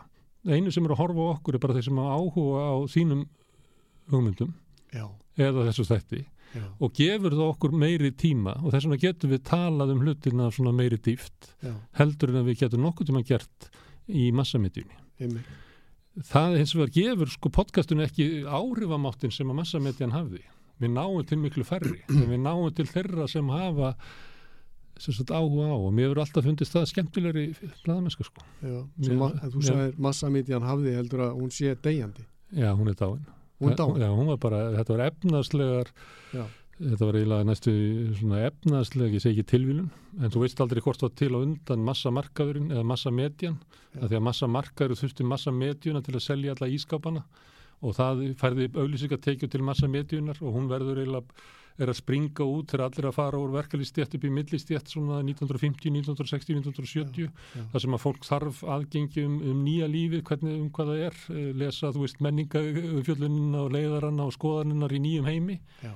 Og, og þetta verður til líka á þenn tíma sem er eftir þýsárum þar sem að e, enga fyrirtæki gátu tekið á þessu samfélagslegt hlutverk Þannig að ofan á businessnum hekk samfélagslegt hlutverk sem að margir eigundur reynda sinna Já. eins og ég held að sé ekki þetta gaggrína þú veist, eh, New York Times náttúrulega var vilhald ákveðnum skoðunum og svona, en þeir reynda sinna þessari samfélagslegu þjónustu fyrir sinn hóp sem eru kannski uh, auður í New York búar og, og saman með Ost og Post og svo getur haldið svona áfram. Mm.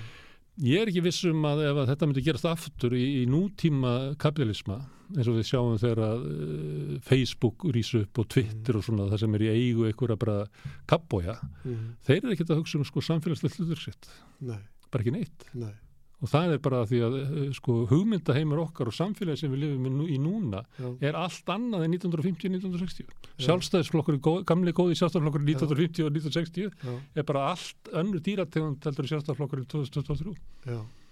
og það er, það er þinn harmur að koma inn í það að halda þetta sé gamli góði sjálfstæðisflokkurinn og ert bara komin í skip og þú veist ekki hérna, hvert það er að fara.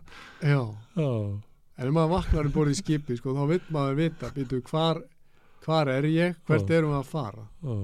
og þú ert ekki viss í dag Nei, ég er bara, ég, það er bara hreinskil, hreinskilna svarið er, nei, ég er ekki viss, sko, ég er ekki viss, Mm. en, en hérna við þurfum að, en ég, við getum vonandi bara átt samtala hans að allir verði ofsalega reyðir og svona, sko. Nei, nei. En það er svolítið þannig í dag að við skiptum í lið og Já, ef þú ert eh, kastar fram þessum hugmyndum um sjálfstaflokkin þá ert að tala gegn hún, þá hefur þú komið móti bjarnan ben já, ég veit á móti Bjarni Já. Ben, ég meina Bjarni er bara mjög, hann, hann er, hann hefur mjög margt gott fram að færa er hæfileikar ykkur maður, engin spurning, en, en ég veist, ég myndi ekki vilja vera hann og bara með jámenn í kringum mig. Nei. ég myndi ekkit þú veist, þú myndir ekki vilja vera fyrirliði í fótboltaliði og enginn má gaggrina þig ef þú spilar illa eða nei. Allir gefa bara á þig. Já, allir gefa á þig alltaf þó að þú kannski eigir slæman dag sko, halda áfram að gefa á þig sko. Já, já. Það var þekkt um korfubóltalið þjóðhagsstofnunar þegar Jón Sigursson var þar. Að þá var það hýraký þar inni að, að Jón gaf á engan, hann skaut alltaf bara. Nú, og var uh, fórsturinn hann gaf á Jón en engan annan. Ok, þannig virkaði korfubóltalið Já. þjóðhagsstofnunar. Ok Herðu, en Já. hérna þú ert að sigla inn í svona óvissu tíma þú veist ekki alveg, ég heyri það alveg að þú svona, veist ekki alveg hvað, hvað, hvað þú gerðir hvað afleðingar mann hafa Nei, ég, ég hef ekki hugmyndu það sko. Ég er kannski svona kvadvís eða brjálaður eða hvað það er sko. En uh, það verður bara komið ljós. Uh, ég, hef, ég hef sem sagt uh, að ég nefndi áðan sko pólitísk metnaðaleysi að ég hef engan metnað Já, í pólitík og hérna og ef að þetta eru lokin á mínum pólitíska ferli að þá er það bara allt í lagi sko. og hérna ég gæti þá bara með sæmilega góðri samveg samt sagt að ég hafi nú hérna svona tekið þarna smá rispu og reynt að hafa einhver áhrif og hérna það kemur bara í ljós en það væri þá að þú varst í akademísku umhverfi sem Já. þeir lík, líkaði ekki og fórst, Já. þú varst dómari Já, og þeir líkaði ekki kröfunar sem gerðu og þú fórst og nú ertu komin í pólitík og þú ert eiginlega í gættinni sko, leiðin út hvað segir þetta um þig?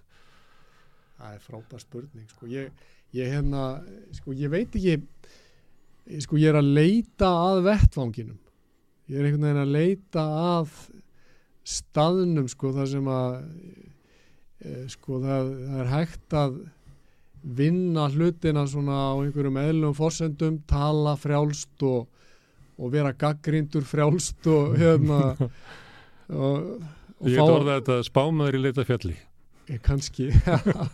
En sko það er svo skrítið svo fer maður einmitt úr hérna, akademiska heiminum og hugsa já ég, ég verð með mínu fólki þegar ég komin aftur í dómstólakerfi Mm. ég þekki það allt sko svo kemur ljós bara að, að það er bara einhver, einhver andi sem svífur yfir, svífur yfir vötnum sem er svona öðru vísi en ég hafði kynstónum áður og maður fyrir yfir á, í pólitíska kerfið og eða pólitískan Mm. vettvang til að hafa áhrif og maður átt sig á því þegar maður er komin á alþingi að, að sko það var enginn að byrja það það er enginn að byggja um þig um að hafa einhverja Mm. skoðanir eða, eða sko kerfið svona einhvern veginn rennur og svona mjúklega áfram laugin kom einhvers stöður út á bæ eða söðunan Mm. frá Belgíu og þitt hlutverk er bara að vera svona á játakkanum vera hlýðin svona, þú veist, mátt alveg rífa kjátt stundum en þá þarf það að vera undir ákveðin formerkjum og við ykkur Svo- aðra en flokksmenn Já, vissulega, ég kann ekki að spila hennan hérna, pólitíska leik og ég vil bara játa það hér. Að, að hérna svona það hvernig ég tala eh, skýrist hugsanlega því að ég kann ekki hinn pólitíska leik. Og vilt ekki læra hann? Og vil ekki læra hann. Ég vil ekki læra hann, þá vil ég frekar sko fara út af þessum vettvangi og finna mér einhvern annan vettvang hver svo sem hann er. Mm. og ég hef heitlast mjög af hérna uh, og það er kannski næsta skref Gunnar hjá mér. Mm. Að- að hérna eitt bara sem ég veist algjörlega heitlandi hug, hugmynd hvort sem mér tekst að raungera hana eða ekki það er hérna franski heimsbyggingurinn og lögfræðingurinn Michel de Montaigne Mm. sem að drósi í rauninni hljepara frá svona ofinbörum embættum og, uh, og hvarf bara inn á sitt sinn vettvang inn á sitt heimili á besta aldri til þess að skrifa um það eina sem hann vissi eitthvað um sem var hann sjálfur Mm. og hann er upphafsmaður dagbókarinnar eða rítgerðarinnar Mm. skrifaði rítgerðarsafn á 16. öld og hérna og eh, það væri spennandi ég, ég, ég geti svo ég seti einhverjum hyllingum eftir að hafa verið í þessum hasar Mm. og hérna umkringdu fólki sem er svona sem er svona óanægt með mig Mm. í vinnunni sko, fólk sem er svona ósamála mér og vill að ég þegi sko að finnst mér eitthvað svo heillandi að finna mér hérna stað í, undir sólinn einhvers staðar sem að ég geti bara hérna, skrifað bara um eitthvað sem að ég tel að skipti máli en ef þetta væri og svona án, saga án metnaða sko. Án, ef þetta verið saga, þá væri hún þannig að Arnar fór inn í akademiska heimin og taldi að hann væri sér góður. Svo fór hann inn í dómaran og hann taldi að þessi fyrir góður. En það var ó, ófriður þar inni. Svo fór hann inn í stjórnmálinn og það var ennþá meina ófriður. Já. Svo fór hann á okkur strönd og ætlaði að skrifa sjálfa sig. Þá kostar hann því að það var ófriður inn í Arnari. Við litli drengurinn og kemur og margir aðrir úlingurinn og fleiri. nákvæmlega og, ofs, og ásækjur Já, ásækjaði. Það er að þetta sem þú ætlaðir að gera vera feitur á einhverju sólaströnd með Já. Að hérna, kona mín segir þetta við mig sko, hún segir alltaf þegar ég er að ræða þetta, hún segir bara glimtu því sko, þú, þú vilt vera í hasar já. og þú verður bara samt, þú verður bara sko horfst í augu við það, segir hún við mig Mm. en hérna en hver er vettvangurinn ég, ég held Mm. allavega ég vorði fyrir ég var fyrir vom, sko, ég er ekki að segja þetta því að ég held að ég sé eitthvað svona frábær Mm. en að ég var fyrir vombriðum einhvern veginn með and, andrýmið og svigrúmið inn pól, sko, inn í akademiska heim Já. og ég var fyrir vombriðum með svona þessa, þessa, þessa sko þetta, þessi andþrengsli inn í embætsmannakerfinu það sem að ég var, það var sagt við mig að ég ætti að verða sko hlutverkið mitt sem ég vil ekki vera. Og ég ver, ég ver fyrir vombriðum með í rauninni uh, hinn pólitíska vettvang sem að leifir ekki og umber ekki að menn vilji hafa svigrum til að tjá sig og, og gaggrina og til þess að rífa kjaft Mm. og vera óþægir og, og, og einhvern veginn eiga bara að vera svona, maður sér það sko, það er framið fyrir öllu því sem að gengur á, það er stjórnmál eru lömuð, Mm. þau eru bara í lömunar ástand þau vita ekki hvernig þau að takast á við þetta það er bara verið einhvern veginn að íta vandanum frá degi til dags einhvern veginn undan, undan sér Þau eru ekki að fjalla um það hvað svona samfélag við viljum byggja upp. nei, í raunin ekki sko. Og svör þeirra eru óra langt frá vilja almennings. Þau get ekki uppfyllt vilja almennings. nei, Almenningur hefur ekki trú á stjórnmálunum. Stæðstil Já. hluti Íslendinga hefur ekki trú á stjórnmálum. Hefur ekki trú á þinginu. Enga trú á þinginu Nei. Og þannig að sömulegt eru við svona eins og við erum á barmið þess að vera falli líðræðisríki. Í þeirra almenningur, almenningur hefur ekki trú á líðræðiskerfinu það er, það er rosalega háskalega staða. alveg ræðileg stað og, og það er raunverulega sko við bara það er komin slagsíða á þetta skip ef við notum nú þá Mm. myndlíkingu einu svona sko, og hún er að verða svo alvarlega maður sér fyrir sér að, að það við verðum sokki líraðisíki ef ekkert bara gerist sko ef það verður ekki einhver vakning inn í stjórnmála flokkonum eða Eða kannski er ekki einu sinni hægt að bjarga þessu stjórnmálum, kannski verður þetta bara að vera einhvers konar grasrótar vakning sko. Mm. Þannig að ég, ég svona, En Það verður að vera náttúrulega skipulag, sko. Við þekkjum dæmi og sögunni þar sem að fólk rýsu upp og andmæli stjórnmálum og svona. já, En ef það er ekki eitthvað skipulag til þess að, að fylgja þeirri baróttu eftir að þá kóðnar það bara niður, sko. Það eru komið, anstekkilegustu stjórnvöld sem að geta staðið af sér svoleiðis já. uppþótt. En veistu hvað, á ég segir, hérna, það eru uppþóttin sko sem að sko, kom úr grassóttinni, byltingin sem kemur úr Mm. grassóttinni sem að auðvitað þessi stjórnmála elita sem þú kallar svo, Mm. óttast mest, Já. er það ekki? Já. Bara að fólkið einn daginn hérna rísi bara upp á afturlappirnar og bara hreinsi þetta Mm. út sko. Mm. Og það þá eru ekki að tala um sko græsrótina út á torgonum Nei, heldur eru bara þann græsrótin inn í flokkonum sko. Já, það ekki? sem að fórust af flokksins óttast mest já, er salur sem að hérna andmælir já, þess vegna er verða landsfötum alltaf meiri sviðsetning sem er að þjóna sko fórustunni já, að því að raunverulega óttast fórustan í öllum flokkonum Já, bara að opna hérna pólitíska umræðu. Er sem- það ekki? Jú, sem að flokkarnir voru stopnaðir til þess að vera. Sko, ég bara og þeim er, ó, ó, þeim er ófært Já, að mæta því að sam, eh, samfélagi breytist og tímandi breytast. Já, og málið er það að uh, flokkunum er ófært að endur skoða hugmyndi sínar já, vegna þess að það er búið að drepa í þeim degluna og nákvæmlega. þess vegna er þetta, skip þitt hérna, orðið svolítið svakalegt. Þetta er svo draugaskip. Þetta eru draugaskip. Ó, Ha? ó, Og bara, og bara seglin eru rifin og, og, og möstrin bara orðin skökk og, og það er stormur frumöndal og það er stormu framundan og við erum ekki á réttir í leið og það eru með bara brot, hérna, bara brímsker þarna sem við erum að stefna á og þeir hlust ekki og fólk hlustar ekki þegar Mm. ég og þú og fleiri erum að kalla bara upp í brúna og þau hlusta bara ekki Nei. þau eru bara reyð eða Já. móðguð eða gera hérna já, já, skelligóm já, hann er bara já. en sko, já, það sem ég ætlaði að nefna og já, ég vildi segja við þig að ég er, ég er annaður og gladur yfir að hafa komið að, að hérna, þetta þú ert að hjálpa mér líka að skerpa sínina á viðfánsefnið mm. þess vegna er holdt að við tölum bara við sem flesta Já.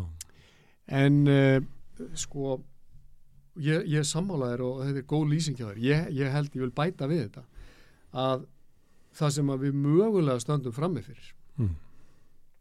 er að sko elítan og þá meina ég ósýnilega elítan við erum búin að vera að tala um stjórnmála Mm. elítuna hérna svo erum við með fólki á gólfinu hérna niðri Mm. sko, sem er orðið Mm. misreitt og svona.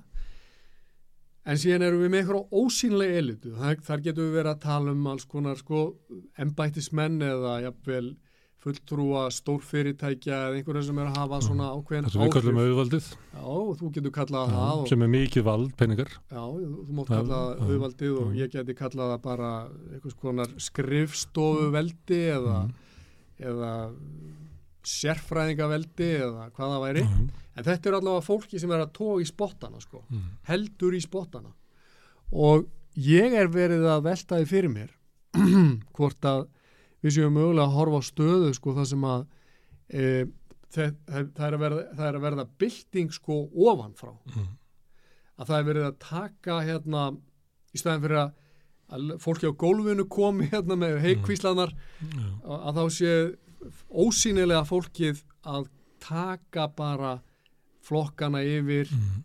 og segja fólki nákvæmlega hvað það má segja Mm. og hvað er næst á dagskrá, dagskrárvaldið í rauninni hafi bara tekið yfir Þetta er það sem að sko sósélista lýsa sömu mynd og þú og segja að það er sér stjættastrýði gangi og sömu leiti hefur verið kæfð niður stjættabaróta almennings Já, en auðstjættin er ekki tætt sko.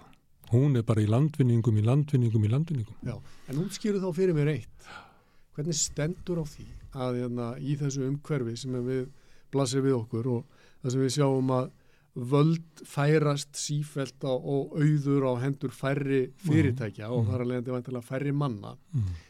að þeir sem að svona mér sýnist uh, klappi mest og hafi verið undirgefnastir þessum stórfyrirtækjum Mm. séu sko þitt fólk, séu fólk. sko hérna rótæku sósjálistinu sem að Mhm. heimtuðu að allir hérna allir tækju við livjónum frá, frá livjarissunum Mm. og allir væru með grímur vafki og, eða? Já, ég veit ekki hvað Eða Hvað kallar sko. róttaka já, sólsöldi? svona þetta fólk sko Hallgrimur sem að Helgason, er það róttaka sólsöldi? Já, já, kannski, ég meina þetta, þetta sko, þessum að maður held kannski að væru svona stjórnleysingjar eða, eða hérna, málsvarar svona frelsis og Mm. vald, valdeblingar sko hérna vinnandi stjætta, einhvern veginn bara vildu fara að berja allt niður og klöppuðu fyrir, veist, klöppuðu fyrir rítskoðun hérna Facebook, Nei, ég- klöppuðu ég- fyrir ekki- Twitter, Ekki, ekki hérna við sósjalistanir sko, bara þú, þetta á þú móti. vilt ekki meina það, Nei. að þetta blasti þannig við mér sko. Já, það er kannski, ert þú svo langt frá hægri þú eru orðið til vinstri að þá eru bara, það er svo margir áður en kemur að mér hérna, sko, ég er Já. hérna aftast hérna Já. og vinga, en þú ert að tala um eitthvað fólk sem er það mill okkar, sko. Mögulega, sko. Mm. Ég, ég bara var að reyna að kortleggja Já, þetta. Hvað. Af hverju Nei, er allir klappandi fyrir... Gaggrinin sem að þú ert að tala um sagt, minkandi málfrels og tjáningafrelsi, Já. hún kemur bæði frá vinstri og hægri, sko. Já, Já. en þar er á bakvið einhver Ég svona... held að að í þessu félagi ykkar málfrelsinu eru hérna gamli félagar Já, úr, úr uh, alþjóðufylkingunni. ég er mikil óskup, sko. Það er svolítið fallegt, Ögmundur er sko. með ykkur, eða ekki? Jú, jú, jú, það er mjög fallegt. Já. Hann að saminast, sko. Gaggrinin á þetta hefur komið mikið frá vinstri sko. Já, en það- benni. Vinstri á Íslandi er bara svo veikt þess að eins og augmundur segir, það er bara Já. engin vinstri maður á þingi Nei, en ég, ég það er nú reyndar, svo, ég vil bæta því við. Ég, Mm. ég er farin að spurja mig, býtu, ég er einhver hægri maður á alþingi já, Íslandi. já, já, herðu, en ok, Já. sko e, já það er, það er eitthvað fallegt við þetta málfræðisfélag sko, að þar saminast fólk sko úr ímsum áttum sko, úr öllu litrófi stjórnmálana Mm. en, en það sem ég vekur að, hérna, eftirtekt mína er að er að sko þú talar um að það séu fulltrúar sko alþjóðu fylkingarinnar. Nei, menn sem að maður þekki bara úr því starfi. Já, en er þetta sko, er þetta sko vinstri menn af gamla skólan sem muna Þetta eru róttæki sósialistur já, en sko ég sé, ég sé ekki yngri sósialistar sé ég hverki mæla Nei. málfrelsinu bót. Hefur orðið eitthvað svona róf í, í, í ykkar röðum? Hefur það glemst eitthvað? Sko uh, málfrelsi hefur gefið eftir. Já, það er meiri svona það er meiri svona já, miðstýring umræðunar það er náttúrulega líka bara með fækkun fjölmjöla og allt annað slíkt sem að það er í gangi sko. já, það er þannig já, en hérna ég veit ekki hvort þess að þetta vísa til svona menningastrýð sem er kannski meira ábyrjandi í bandaríkjónum og svona það sem þetta er að sumur þetta kynnslóðastrýð já, það sem er svona yngra fólk sem að er í deilu við ykkur við aldra kallana já, einmitt, og þá snýst það oft um það að, að gaggrinni ykkar já, uh, þau upplifa þannig að þið séu að venda ástand sem að var, sem að þau vilja breyta. Þeir að venda þeir eru- þeir að venda þess að já, röddina sem þið höfðuð Já. yfirgnefandi rödd og gott að talaði yfir allt. Ok. Og þið upplifið að það sem verið svift ykkur þeirri rödd þeirra aðri fá rödd. Ok, og stundum veltið með fyrir sér þegar hérna, þú ert að tala um að einfalda skólan og kenna bara það sem var áður kent hvort það sé hluti af þessu, þessum átökum séu einmitt þannig. Já, að eh, hérna, þið, að því að þú sér að við að, að þið upplifið að það sé verið að taka af ykkur vald sem að þið höfðu áður. Já, til þess að geta úrskurðað um hvað er satt og hvað er rétt já, svo kemur allir með meina það er bara það er bara ólík sjónamið þú eru bara að setja við það. Já. það er Ég- bara mikilvæg að, að, að fólk sé kynlæst heldur að fólk sé læst á þarfið segir ykkur Já, ég myndi að vísa ekki tala und ég held að það er ekki bara, er það ekki eitthvað sem við lærum bara, er ekki bara börnin okkar kynlæs bara strax? Þurfum að læra það í skólan, ég er ekki viss. En ég vil segja eitt sko Já. við þig að sko ég er ekki þetta er allavega bara fýtt punktur sko ég vil ekki þetta það getur vel verið að sé einhver sannlegs kjarn í því að, að sé einhver svona eh, menn að sjá eftir einhverjum í gamla heiminum. Ég, ég er ekki vissum að ég geri það en ég vil segja bara sko, ef, við, ef við, ég og þú reynum að fjarlæðist þessa nostalgíu og hugsa hvað viljum við?